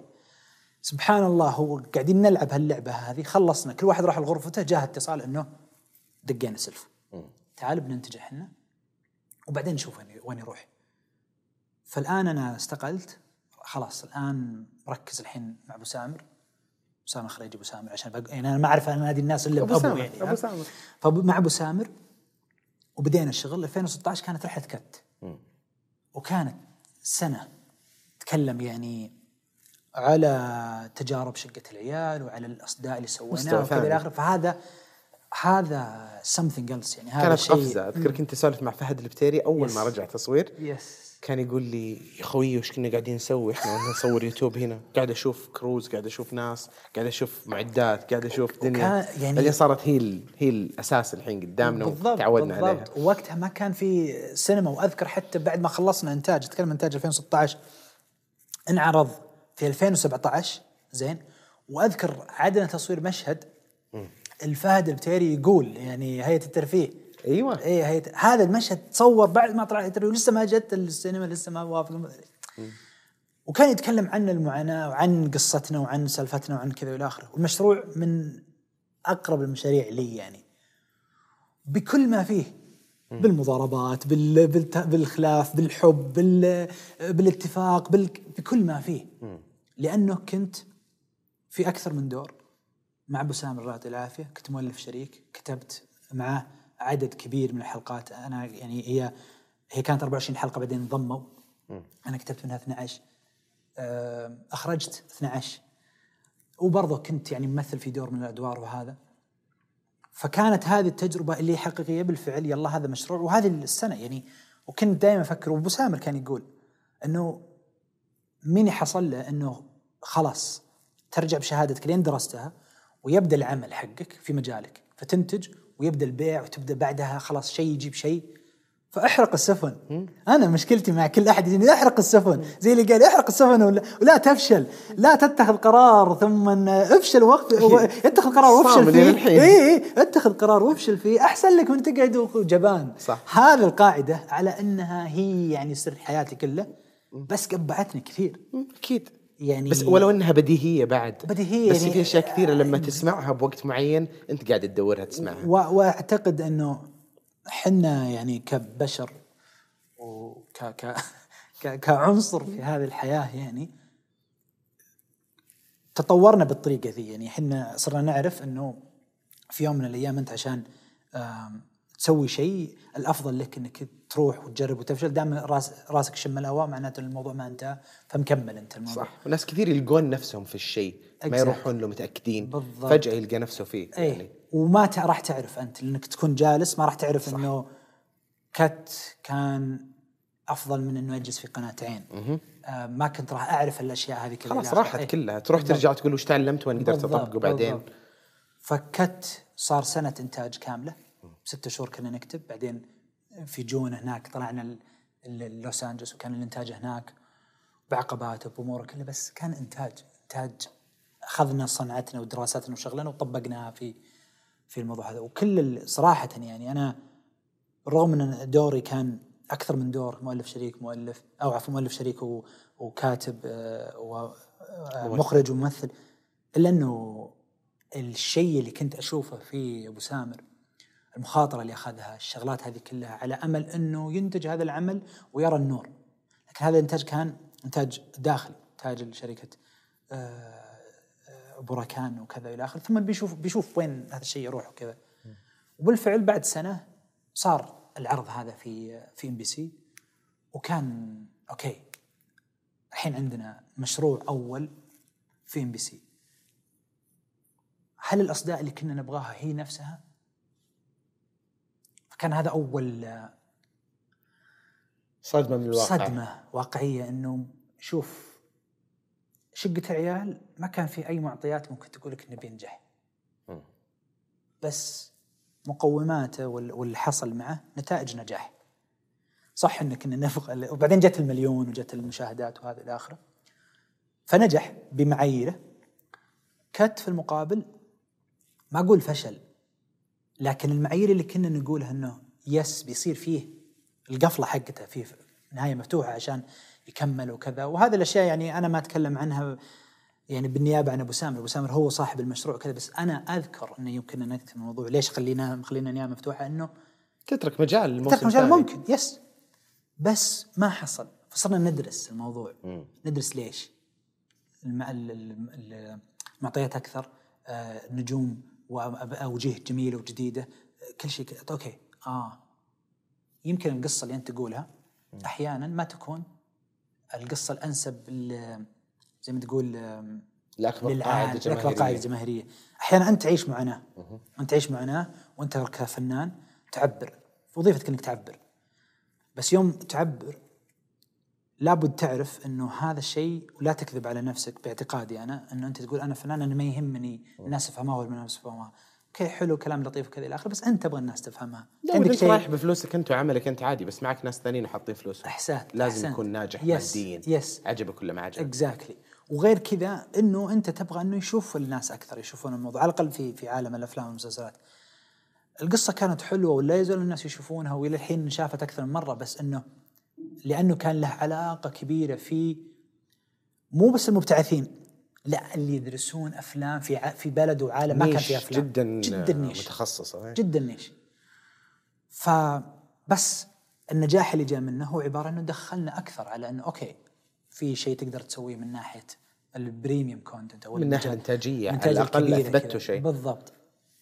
هذا الفترة يوم مخلصين حنا ذا الفترة أتكلم أنت انتهينا على 2016 وقبل ما يعرض أنا كنت أحاول أسعى إنه يلا خلني أصير صانع أفلام. بس ما زلت ما زلت يعني ما أنت موظف في مكان معين. هذه كلها. مشاريع جانبية. مشاريع جانبية. مريت كنت متفرغ المواطن بعدين. بعدين ف... إيه. بعد شق بعد مسلسل كت.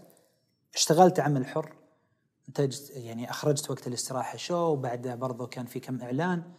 بعدين خلاص يعني الطفرة شينة والهذا والحاجة صعبة. ومتزوج. وعليك مسؤوليات. وعليك مسؤولية. هل أنت حرفيا محمد يعني زي اللي اول في التيار مثلا لما أنت بت بت بتغرق يعني أنت تدبر عمرك يعني فهمت بتسبح بس لما يصير فيه زوجة ولا أحد تعوله ولا كذا هذا معك.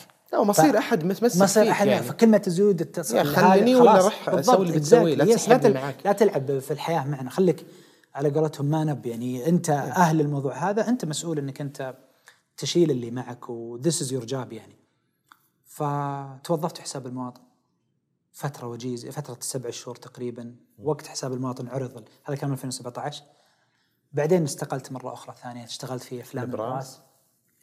آه، أفلام نبراس برضو ما كملت لأنه كان وقتها 2018 كنت بديت أشعر إنه okay اللي كنا نسويه إحنا أيام في أمريكا مجموعتنا هذه نقدر نسويه هنا. نقدر نصنع هنا. وكنت مرة ملهم أو عفوا مبهور ويلهمني تجربة تلفاز يوتيرن ميركوت. وبالتحديد كانت التجربتين هذه تلفاز وميركوت. كنت أشوف إنه وكنت متعلق في فكرة الثلاثة. لأنه أنا باعتقادي الأفلام بالنسبة لي والمسلسلات هي ثلاث ثلاث ثلاث أركان رئيسة. محتوى ورؤية وذكاء اقتصادي أو مادة تمشي الموضوع ذا كله. فكنت أشوف لما في التجربتين هذه كيف ثلاث أفراد كل أحد ماسك زاوية مدري إيش إلى آخره. فكنت أقول يس احتاج هالشيء. تقدر هذا الشيء تحتاج. طيب ليش ما تنظم أو ليش ما تسوي أو ليش آه، أو خليني أقول ليش ما تنظم ليش, ما تنظم أو ليش ما آه، تكون ضمن الموضوع توحد هذا؟ توحد القوة أي. بالضبط إلى آخره. كان بشكل بسيط جدا. هي نظرية سينما المؤلف. وشعرتها مع أبو سامر مع أسامة الخريجي في توافق كبير وعقدنا النية والعزم إن شركاء نجاح وكذا وإلى آخره. بس مسألة إنه هذا الصنع وهذا الشغل اللي أنت تسويه أنت تسويه في زي ما تقول توافق كبير خاصة إذا أنت مؤلف.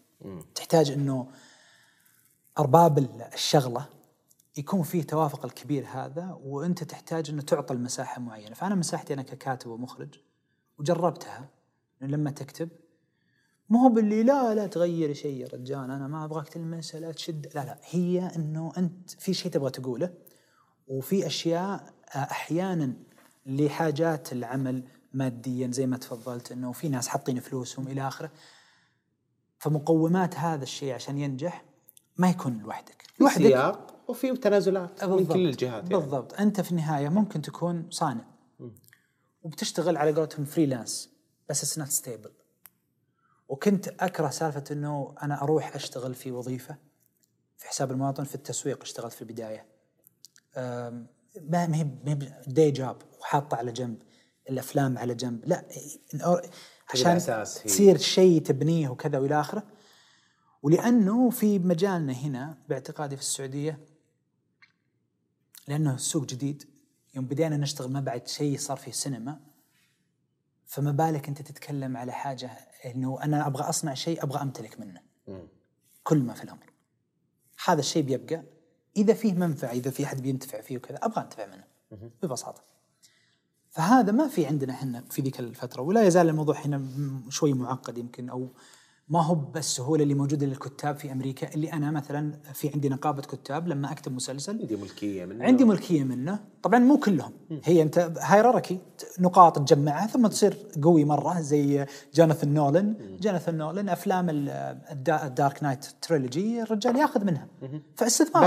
بالضبط exactly yes استثماره في حياته وكذا. ويعيش يقدر يكون حياته يصبح ويمسي يكتب 20 فيلم آه، قاعد يدر عليه exactly هذا الشيء بالضبط هذا الشيء في. السعودية the only way to do it و the only way إنه يعني الطريقة الوحيدة اللي حتى نوعا ما يصير لما تتخاطب مع الجهة المنتجة أو المنفذ أو العارضة أقوى خلينا نقول عندك control أكثر إنك تكون جهة صح. brand إنك تكون جهة يكون عندك agent يتكلم بالضبط. عنك يكون بالضبط. عندك مجموعة أعمال تثبتك فيعني خلاص بديت ترسم. ف- فبدت تتشكل. هذا الشيء يتشكل على 2018 وقت ما جربت كت وقت ما جربت حساب المواطن وقت ما جربت أفلام نبراس. خلاص okay تدري؟ الطريق الوحيد إنه لازم تسويها. قطر.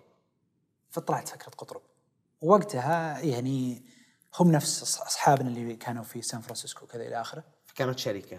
أو مؤسسة. كان في البداية مؤسسة كان كذا إلى اخره وكانت الفكرة وحتى اسم قطرب يوم يطلع اللي اللي, طلع طلع مع أبو عجمي صالح العجمي. وصالح العجمي في النهاية حتى يعني تأسس شركة وما أصبح شريك فيها بس إنه شريك استراتيجي ومعنا وتعرف زي كل الناس اللي معانا طول الوقت. بس إنه وقتها حتى الفكرة وكذا في فكرة الثلاثه اللي يقول لك عليها المحتوى الرؤية ال- ال- المال أو ال- ال- الإدارة المالية وكذا.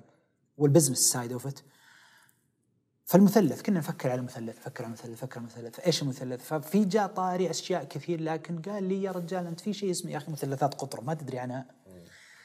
وش مثلثات قطرب يا أبو عجم مثلثات يا أخي هذا ناصر الفراعنة قال قصيدة شوف القصيدة هذه قصيدة عجيبة. إنه أوكي وش القصيدة؟ تشوفها الرجال يقول شطر بيت في آخر البيت إنه يقول كلمة ثم إن الشطر الثاني يشرحها أو البيت الثاني يشرح إيش معنى الكلمة. وهي كلمة مكونة من ثلاث أحرف تختلف باختلاف الحركة. يختلف المعنى باختلاف المعنى. عفوا تخت... يختلف المعنى باختلاف الحركة. حوا حوا حوا. الربا ربا ربا. فإيش هذا الشيء؟ okay. إيش الموضوع ذا وليش قاعد تعرف الشيء ليش تعرف هذا؟ الشيء أبو ما أدري. okay. وش هو هذا؟ قطرب. قطرب sounds good مثلثات طيب. ثم تجي عاد هنا سالفة إنه هل تحتاج تدريب؟ هل تحت إي تبرير ما الأسماء وهذا الشيء اللي كنا نقول اسماء لا تعني شيء إلا الشيء إلا المعنى اللي أنت تعطيها. لما تسمى على شيء الشيء هذا الشيء له معنى. بس بعدين اكتشفت منه هذا قطرب. هذا قطرب طالب علم عند سيبوي. اسمه محمد بن مستنير. طالب علم جاد ومجتهد وكذا وإلى آخره وأشغل سيبوي في حياته. يجي يجي آخر الليل ويجي في كلمة. فقام قام قال لي يوم الأيام ما أنت إلا قطرب وليل قطرب معناه في اللغة العربية صرصار الليل الغول اللي في الليل شيء ما أنت كويس. بالليل ماني فاضي بس ال- التعريف إنه الدابة التي تدب بإصرار وعزيمة وإلى آخره. يا أبوي هذا أنا. كيف واضح. أنا قطرب من أنا. أنا أنا يعني هذه محاولاتنا طول الفترة. ثم طيب إيش سوى هذا قطرب؟ هذا ابن المستنير راح واكتشف شيء في اللغة يعرفونه العرب. كل العرب يعرفون حوا حوا حوا. كل بس وقتها في قنن. الموضوع أعطاها شيء وقدمها في منظومة وكتبها سماها مثلثات. يوم جاي يكتب الاسم ما كتب ابن المستنير سماها مثلثات قطرب. أنا ما أعرف صراحة ليش سماها قطرب ولا كذا لكن هو راحت عيار. هي كانت عي- عيار. أخذ stage name يا فاخذ خوي. stage name رهيب stage name. name فالشيء اللي أنت الناس تستق يعني تقللك أو تعتقد إنه نقص فيك وكذا إلى آخره كيف تخليه empowering كيف تخليه كذا هذا الشيء كان موجود عندنا. شقة العيال كنا مسوينها. ما هو بأنه ما عند ما نعرف نسوي أفلام. تكي كان وقتها الشباب كانوا مبهرين مرة. آه خنبلة كذا إلى آخره. كان شيء مرة أسطوري عظيم. آه وأصحابنا وكل شيء بس كان في مثلا من الناس يقول يا أخي أنتم ما تعرفون تسوون إضاءة ما تعرفون مدري كاميراتكم مدري شلون. استاذي إحنا مختارين هذا الخيار الفني عشان تكون أقرب أنت كمشاهد للعالم الواقعي بس ترى موجه. هو هذا موجه. فالعيارة العيال المدري إيش هذا هذا قطرب. فأخذناه بس كاسم. أبو عجمي أعطانا الاسم الله يعطيه العافية. ثم بعدين راح صار ثم ثم. راح يا خوي صار مهندس معماري واشتغل في وزارة الإسكان والمدري إيش والشغلات هذه كلها. وتوجه للفن الله يعطيه العافية. ويجي كل شوي يشقر. يسير على الاسم. الله طيب وكلته الله يعطيك العافية. فبدأ مشروع قطرب بس إنه في ذا الفترة أنت أول من تلتفت تلتفت على أهلك وعلى أصحابك. هنا تكتشف أنت. يعني تكتشف إنه أحيانا مشاريعك ما هو يعني ليس من الأفضل أو الأحسن إن أنت تشتغلها مع أخوياك أو أو أو ناسك آه، أهلك أو كذا وإلى آخره. هي للشخص الأنسب للمشروع الشخص الأفضل للموضوع هو اللي تشتغل معه. في ذيك الفترات ذيك الأيام العالم كلنا نبغى نسوي شيء ريادي. مو شيء بس في موجة في موجة في السعودية ما شاء الله تبارك الله أعمال رواد كثر وناس كذا. فهي كلها محاولة إنك أنت تسوي شيء من أجلك وكذا وإلى آخره. ومو عندي الشعور إن كل أحد ينجح حولك تبي تسوي زيه أحسنت. بالمقابل أنا الآن آمنت إنه الطريق الأفضل لانك تصنع مسلسلات وأفلام لك يا أسامة هو إنك تسوي brand معين مع العوامل هذه كلها اللي تخليك مو بس عليك أنت. أنت لأنك في النهاية ممكن تنضب. ممكن توقف صح. ممكن ما يجيك إلهام ممكن whatever بس إذا فيه ال- المجتمع نفس المجتمع اللي سألت فيها عبد الله العياف نفس المجتمع هذا المجتمع يقويك يخليك تستمر كانت الرؤى متوافقة بعد. بالضبط بالضبط.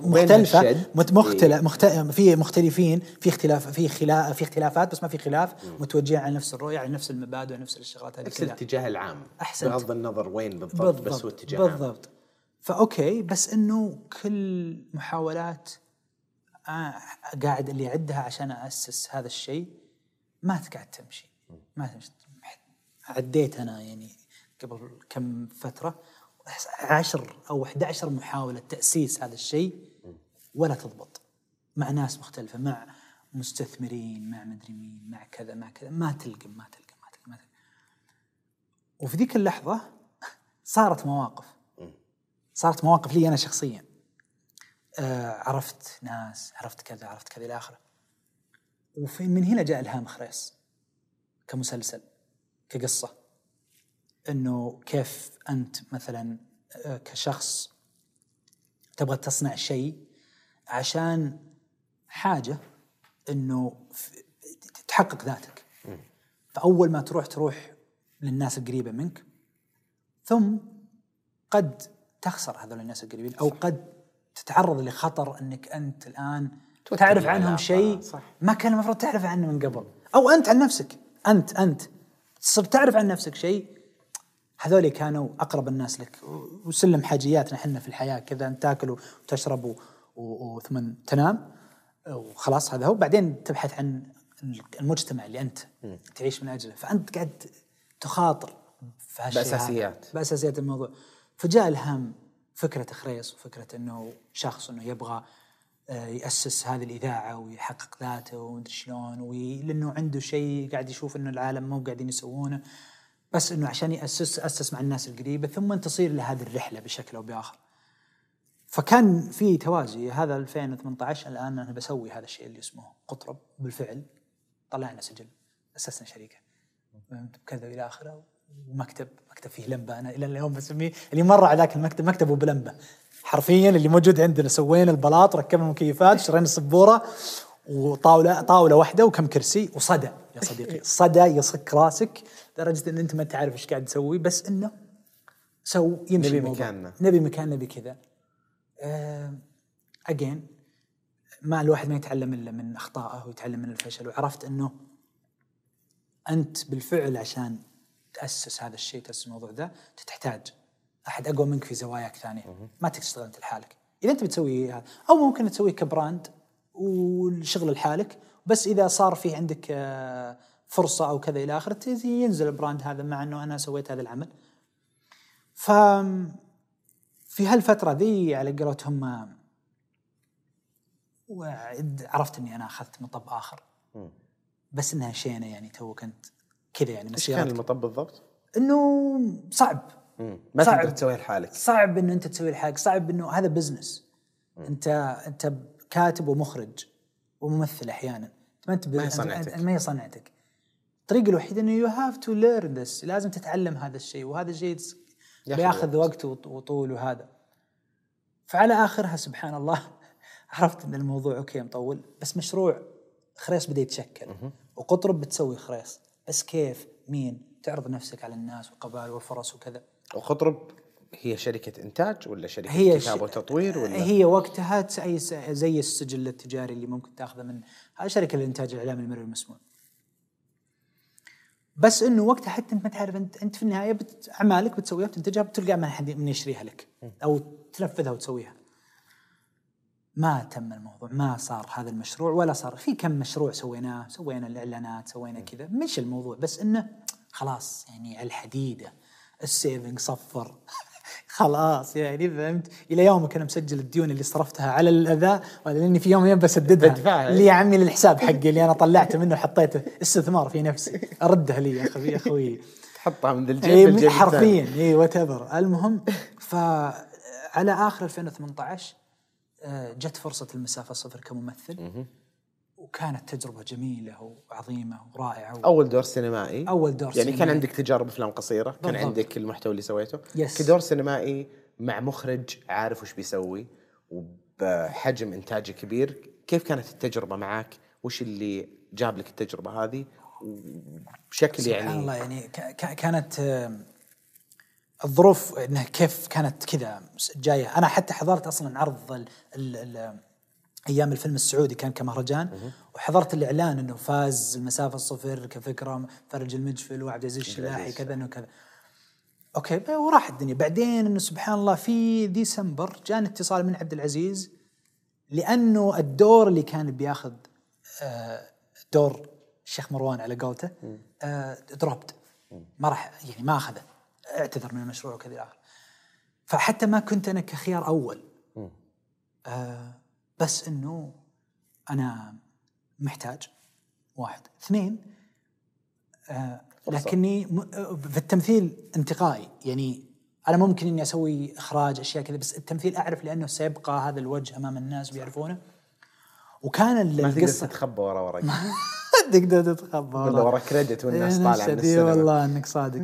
فالفيلم والفيلم أول ما قال لي الفكرة بالتليفون وكذا إلى آخره الفيلم فكرته حلوة وجريء ويتصالح فهمت؟ يعني كانه كنا إحنا كسينمائيين أو صناع قاعدين نروي قصصنا نعالج اللي مرينا فيه ونرجع نتذكر إحنا شلون وكذا وإلى آخره وبطريقه بأسلوبنا بطريقتنا بشكل أو بآخر. فأنا حبيت هذا ال هذا ال هذا ال هذا الفيلم من هذه الزاوية والدور كان جديد. أنا كنت أبغى أطلع من عباءة المطوع مطوع مطوع مطوع بس هذا الدور دور فيلن يعني في تبي. تختم عليه بالضبط. المسيرة اي اي دور فيلن دور يعني رجل شرير ورجل على قولتهم سيء. واتخذ حتى لنهاية الفيلم اتخذ قرار. أنا أقول أقول راي ش- المفرج والجزيرة أنا كشخص أنا أحكم عليه. بس إنه أي- لازم اعيشه لازم أعرف تجربته وكذا إلى آخره. فتجربة إنه الدور والأشياء اللي درستها أنا كل اللي درستها من منظور المخرج كممثل. فالحين قاعد اطبقها من الجهه الثانية من الجهة الثانية. إنه أوكي أنا عشان تفهم الدور تفهم الشخصية تفهم الموضوع. وكان هذا اللي اللي يميز عبد العزيز ومفرج إنهم فاهمين المسألة كذا إلى آخره. وأذكر كان في عندي اتصال مطول مع مفرج على القصة وعلى ال... ليش لام يسوي كذا ليش كذا ليش ليش ليش ليش إلى آخره. فكان مشروع قريب إلى القلب يعني صراحة. ولا كنت أعرف إنه وين بيروح. بعدين سبحان الله عاد لاقى ال- ال- ال- الأصداء اللي اللي لاقاها. فاز في نتفليكس. المهرجان. قبلها كان فاز بالمهرجان الأيام آه، مهرجان أفلام السعودية. ثم النتفلكس وكذا. آه، بس وقتها أنا مثلت. بعدين ذا الفترة أنا وأبو سامر بدينا نرجع بشكل أكثر. نرجع بشكل على قولتهم عملي وعلى محاولة صنع قطرب هذه. آه، لكن ما ضبط الموضوع بوقته. كان كان التوقيت ما هو بجيد.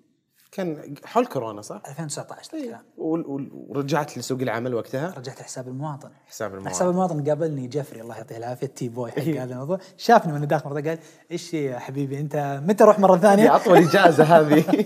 أنت روح ترجع كل شوي. ف يعني رجعت بالإدارة في إدارة التواصل والفترتين هذه كلها سبحان الله لما تشتغل انت في عمل خلينا نقول مكتبي. مكتبي. لكن في إدارة تواصل في طريق فت- قاعد آخذ أنا يعني قلت من الأشياء اللي بالفعل فرقت معي. فحتى فيما بعد تغير أسلوبي في الإدارة تغير أسلوبي في أشياء كثيره كلها من مسألة إنه أوكي في حساب المواطن المرة الثانية كان الموضوع مختلف وطولت المرة هذه جلست سنة. في السنة هذه صارت يعني تجارب كثيرة خلاط من هنا مدري إيش من هنا. وكانوا الشباب في المكتب في حساب المواطن كانوا يقولون أسامة ابو صالح متى فيلمك يا أخوي؟ متى المشروع؟ انت جاي تقول ابى اشتغل ودي جاب شغل وبالليل بتسوي. ما أشوفك. علينا، إيه. ما أشوفك. كان يجلد. الشيء ذا كان يجلد. بس طلعت أنت وقتها كان sketchات في الخلاط طلع sketchات فهد العماري صح؟ طلع في فهد عماري كم عمل كذا. كان في شيء ضرب قبل فترة من قريب ترى رجع فجأة على تيك توك. اللي هو سكتش زياد الزهراني مع عبد العزيز Game of الشهري. Thrones Game of Thrones رهيب يا أخي السكتش ذاك. يا أخي كان أسطوري صراحة يعني. وهذا ميزة. يعني أنا كممثل أقول لك إنه انتقائي لما النص حلو المخرج أحلى والتيم آه ما هو آه، ما أعرف نفسي دائما أقول أنا ممثل. ف لأني أعرف الممثل أنت تروح هذا النص تجعله حياة تجعله على قولتهم حقيقة. ما هو هذه شغلتك صح. تقبله كله. أنا لأنه مؤلف ومخرج قبل قبل ما أكون ممثل يتعبني هذا الشيء فأقل دائما قليلة الأدوار والأشياء اللي أوافق عليها والأشياء اللي أحب ألعبها وكذا. سوينا شيء أنا وياك مع بعض. أنا انتجته سلامتك. بالله عليك. صح؟ اي والله مع فهد عماري صح؟ لا، بس أنا أنا ومجاهد الجميع اي انتجنا. لأني كنت مع مجاهد صح؟ بس كان هذاك جميل مرة. جدا. جدا جميل يعني لا كان- ال make up ولا إيه. هذا. كان فيه- كان فيه- كان رهيب. أنا بالنسبة لي مرة مبسوط منه. يعني ما هو ب- آه، خلينا نقول اللي هو تثقيفي بحت. التثقيفي اللي ما فيه مساحة. كان كان التوليفة الحلوة يعني. آه ففي هذه السنة كان عندك تجارب مختلفة. 2019 كان الإنتاج المتكامل. بعد و اي في يعني فترة اللي هي هذه اللي كانت البداية اللي أقول لك كنت أنا وأبو سامر نحاول وصنع هذا الشيء وكذا وإلى آخره. بعدين اشتغلت في حساب المواطن فترة 2019 سنة كاملة. وقتها 40 عام ليلة كان بذا 40 الفترة، عام صح؟ في ديسمبر. okay. يعني توقيت أنا ال two features فيلم الفيلمين الطويل اللي سويته. مش قصدي مع ديسمبر. أتوقع أبو قرعاوي بعد. عندي ديسمبر مشروع فيلم ثاني. الله يقوله. أنا ما أدري. أرمي كروت كذا بعيد.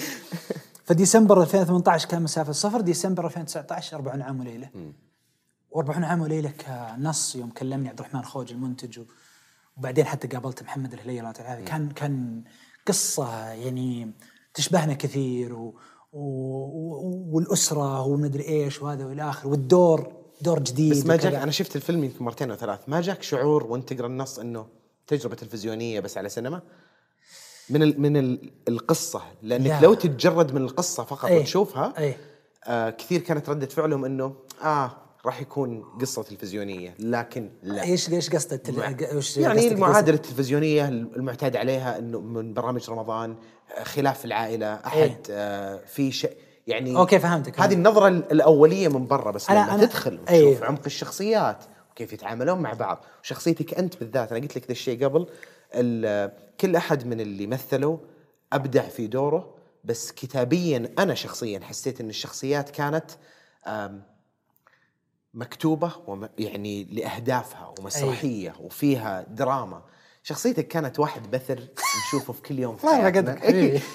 وأخذت هذا الدور. كان يدخل ذا العالم اللي قاعدة تحترق فيه الدنيا أوه دقيقة بس أروح أكلم زوجتي و... يعني حال نفسه وحياة فكانت fresh الشخصية جدا جدا الله كانت يسعدك fresh. وكل أحد يعني رهف كان أذكر مشهد التليفون في البداية صح. حتى لدرجة إني رحت سألتها في المهرجان قلت لها رهف كان في أحد على الخط تتكلمين معه؟ قلت لها prop يعني أي. بس كان أدائها كانها صحيح. تسمع أحد صحيح. ترد عليه صح. وتعابيرها خالد صقر الشباب كلهم, كلهم. يعني وال- مش ع- كل أحد يعني من دون و- علاقاتهم يعني ما نقول أحد ثم ننسى أحد من غير شر بس إنه بالفعل إجابة لسؤالك هل هو كان تلفزيوني أو إنه كذا؟ أنا لا كنت أشوفه فيلم آه خلينا نقول فيلم قصة سعودية تشبهنا ومناسب مرة لأجواء المهرجانات صح. وعالم المهرجانات اللي أكثر جماهيري بعد ترى. أنا يمكن شوف أنا أنا ما كنت أخ... يعني أخالف نفسي أقول إنه هالفيلم هذا هل هو جماهيري ولا لا؟ أنا معايير الجماهيرية عندي بالنسبة لي حتى الأفلام الدرامية شوف الأفلام الدرامية اللي دراما بحت غالبا حتى في ال box office ما تأدي. للأداء اللي لها فعلا. الفيلم شباك التذاكر لها معايير معينة اما تكون كوميدي كوميدي اما تكون action action it's theatrical هذا الشيء. أو أكشن بس الأفلام الدرامية اللي مثل 40 عام وليلة اللي تتكلم باختصار شيء ليش أنا ارتبطت معه؟ لأنه تتكلم على حالة بالفعل تصير إنه آه أسرة أبوهم تزوج زوجة ثانية. وش ال- السواليف اللي تصير بين الإخوان؟ كيف نتكلم مع الوالد؟ بالضبط. كيف نتكلم كي- مع الوالد؟ تكبر تكبر؟ الموضوع. وبعدين في. النهاية صار المسألة إنه إن ال- ال- الرسالة حقت الفيلم هي اللي أنا مغرم فيها بشكل كبير اللي هو إنه أبوي مو بأحسن واحد وأمي مو بأحسن واحدة بس this هذه حياتهم.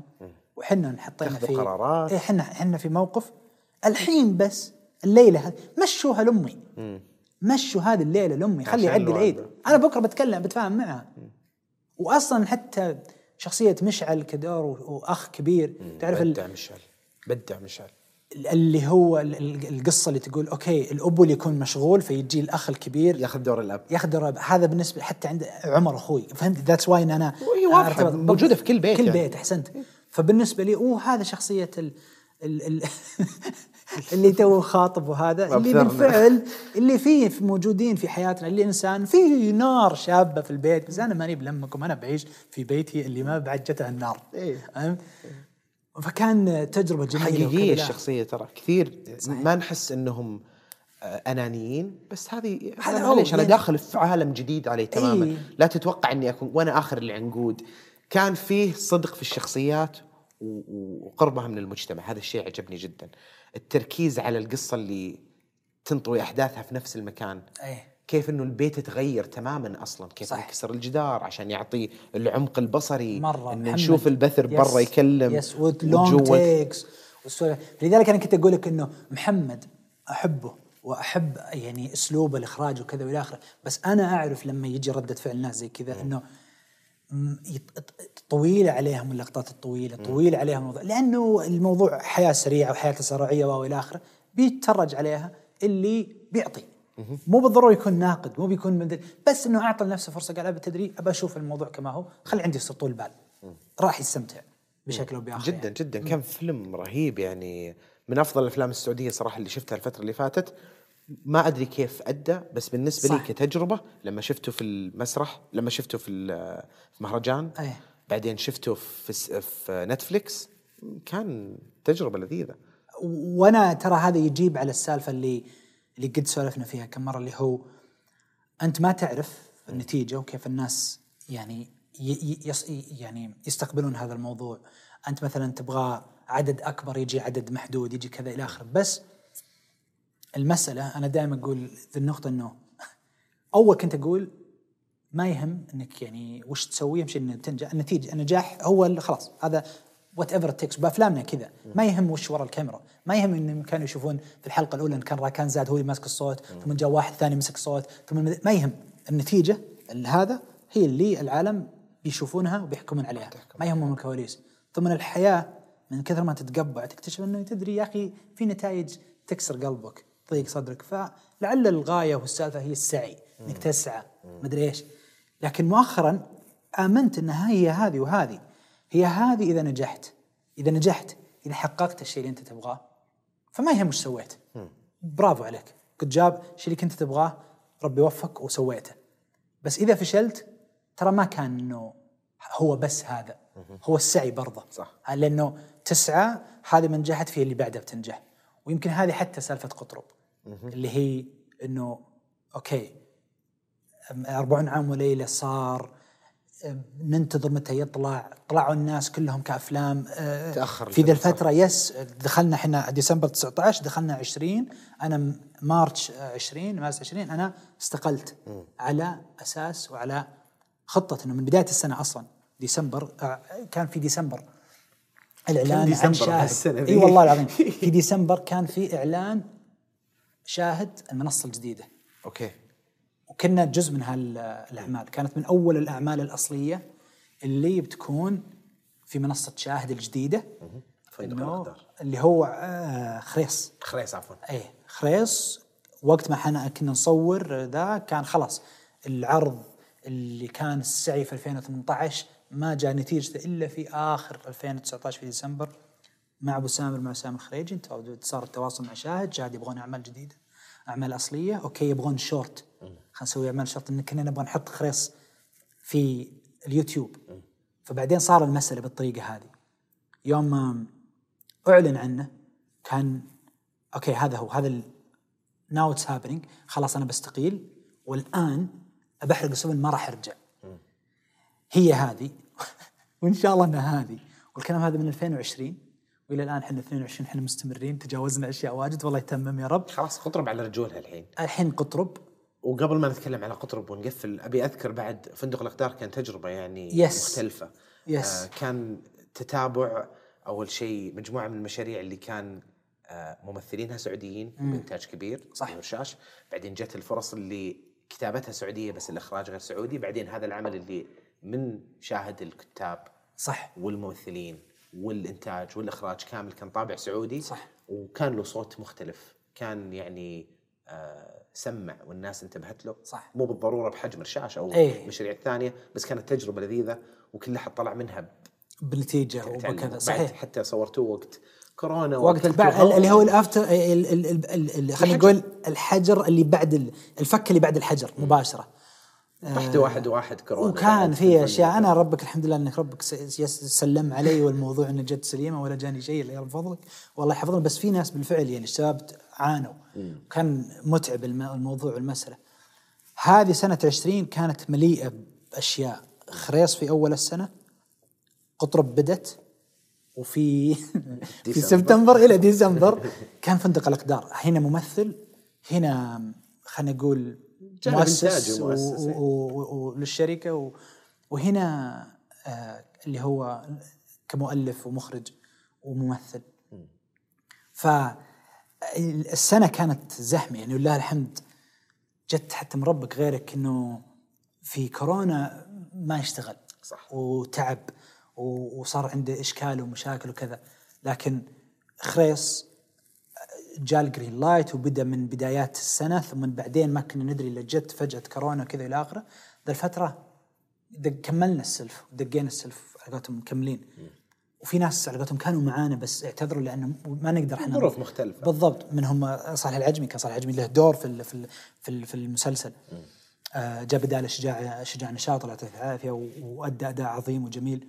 بس خلاصة هذه السنة كانت قطرب دقة سلف دقة سلف. إلى اليوم خلاص متوازنة إيش قاعدة تسوي قطرب الحين وإيش مشاريعها الجاية لأنه يبدو لي إنه أنت حركت كل السفن ومتمسك بسفينتك بالأمواج ترتطم فوين رايحة قط- قطرب؟ إيش قطرب- قاعدين تسوون الحين وين رايحة؟ وش المشاريع الجاية؟ قطرب آه تمشي على ثلاث خطوط الم- المثلث اللي إحنا آه المرتكزين عليه إحنا مهتمين بال بال بالرؤية أو عفوا بال- بالمحتوى وبالنص لذلك إحنا آه فريقنا محدود وشعارنا السهل الممتنع وكذا إلى آخره بس إنه كلنا صناع من ناحية مؤلفين ونكتب. فنألف ثم نصنع الرؤية اللي لل- لل- للمحتوى هذا المناسب له ثم نجد أفضل طريقة اقتصادية ذكية إنك تنتج هذا العمل. فحنا لله الحمد في قطر من بدت كان خريص كان كروموسوم كنا مشاركين يعني من ناحية التأليف ولا خلينا نقول إدارة المحتوى. أنا كنت الشورنر وكنا ندير ال- ال- ال- ال- ال- ورش الكتابة بإنتاج حكواتي طبعا وكذا. إلى آخره بس إحنا كنا مسؤولين عن هذا الشيء ومع المخرجين وإلى آخره. ثم بعدها برامج تلفزيونية مثل أوسمة مثل وغيرها. فهذه التوليفة اللي تشتغل على ثلاث خطوط رؤية محتوى محتوى رؤية وذكاء اقتصادي بس معين. لسه نوع المحتوى اللي قاعدين تطلعون فيه هو ثلاث خطوط ثلاث أنواع. إحنا نشتغل على أعمال نسميها أعمال إبداعية. هذه كل الإنتاجات اللي لل- لل- اللي عميل لجهة. أحد ما عنده شيء يبغى يقوله. سواء كانت إعلانات أفلام كوربريت وات بس إن غايتها تسويقي أو وهذه تجاري. فعلا لقمة العيش للشركات بالعادة تكون. تبدأ كذا أنت. لأنها دائرتها قصيرة لأنها دائرتها صغيرة تبدأ المشروع وتقفله وتمشي. ومتأكد من نسبة ربحك فيها بالضبط يعني إيه، والموارد المو- الموارد الناس اللي يشتغلون الشركات الأخرى الصديقة واللي تتوظف معاك وكذا متوفرة وموجودة. أعمال أصلية إحنا نسويها على منصتنا. كانت آه، محتوى الف- رقمي يعني digital؟ محتوى رقمي. إحنا حتى يعني نسميه اي نسميها أعمال أصلية just because إنه إحنا نبغى نقول لأنفسنا وللناس إنه هذا الشيء قاعد نسويه للمنصة اللي كانت شقة العيال تحولت صار اسمها قطرب. و ومن من خريص صار فيها الإعلان هذا إنه يا جمهور شق- شقة عيال إحنا راجعين لكم كذا روحوا شوفوا أول أعمالنا في شاهد. بعدين طلع اثنين على واحد. طلع إيش رايك طلع شلة منتجة الحين سالفة وجيم. هذا الخط اللي هو ببساطة إنه للمشاهد العادي في براند اسمه قطرب غاية إنه يصنع محتوى ترفيهي. هذا التوليفة حقته هذه الأسلوب وطريقته. والهدف والخط- الرئيسي؟ والهدف الرئيسي للموضوع. هذول كلهم عشان تصل إلى س- خ- ال ال ال ال الأكبر في الموضوع اللي هو الأعمال الخاصة ال premium content اللي هي مسلسلات. الآن مركزين إحنا على المسلسلات. أكثر من الأفلام. الأفلام لأنه الأفلام هو تحدي آخر تحدي جديد. هذا صاحبك اللي يقول شوف ال- ال- القريب الخط القريب اللي تمسكه امسكه أضبطه crack الموضوع اعرف السالفة ثم بعدين انتقل للخطوة اللي بعدها. فالأعمال الخاصة اللي عندنا الحين مركزين عليها هي برامج. مثل مؤخرا إحنا عندنا برنامج مع هيئة السياحة سويناه اسمه روح رمضان. في في في رمضان الآن قاعد يعرض على منصة شاهد. وعندنا أعمال لا الحين قاعدين نبنيها على أمل إنها إن شاء الله إنها يعني تنتج مع منصات أو مع جهات أكبر. فهذه هي الثلاثة ابداعيه أصلية في في القناة الناس تتفرج علينا موجودين نتدرب حنا نعرف الموضوع التجارب ما توقف والأخير إنه في النهاية this is هذا كله من أجل إنك تصنع عمل كبير جماهيري أكبر الناس كلها تتفرج عليه وتنبسط وبهذا كله تكون أنت يعني بشكل أو بآخر صنعت الشيء اللي اللي يمكن حتى كان موجود في خريص وكنا نفكر فيه كم كمعاناة الشخصية ومعاناة هذا اللي هو المفهوم الياباني اللي اسمه الإيكيغاي. الإيكيغاي هو إنه بالمعنى الياباني وكذا إنه الغاية من الوجود. الشيء اللي تق- تتقن صنعته والشيء اللي تقدر تاخذ منها فلوس والشيء اللي آم آه ت- ت- تعرفه. والشيء اللي يحتاجه العالم؟ هذا إذا تجمعوا كلها الدوائر إذا تقاطعت في الزاوية في النص في الدائرة الصغيرة هذه المتقاطعة هذه غاية الوجود حقك أنت في النهاية. الشيء اللي تعرفه تعلمته شيء تتقنه تعرف تسويه شيء تقدر تاخذ من وراه فلوس تقدر تعيش وتستمر والعالم يحتاجه. فالعالم يحتاج يعني دائما إحنا نقول إنه في ك- في كل مكان أجلس فيه مع مع معانا كذا مع ربعنا وهذا. أقول يا أخي يكفي غاية شغلتك هذه إنك أنت سلوة ال- الناس. أنت اللي تسويه الناس بتنبسط منه. وهذا يعني من أعظم القيم وأعظم الأشياء اللي ممكن انت تشتغل من أجلها. إنك تسوي شيء واحد في مكان ما في آخر على قولتهم الديار يتفرج على اللي سويته عشان صنعت يومه سليته خليته يتأمل خليته يفكر في الحياة خليته كذا في النهاية. هذا الشيء اللي أنت تسويه أنت ختمت اللعبة على قولتهم.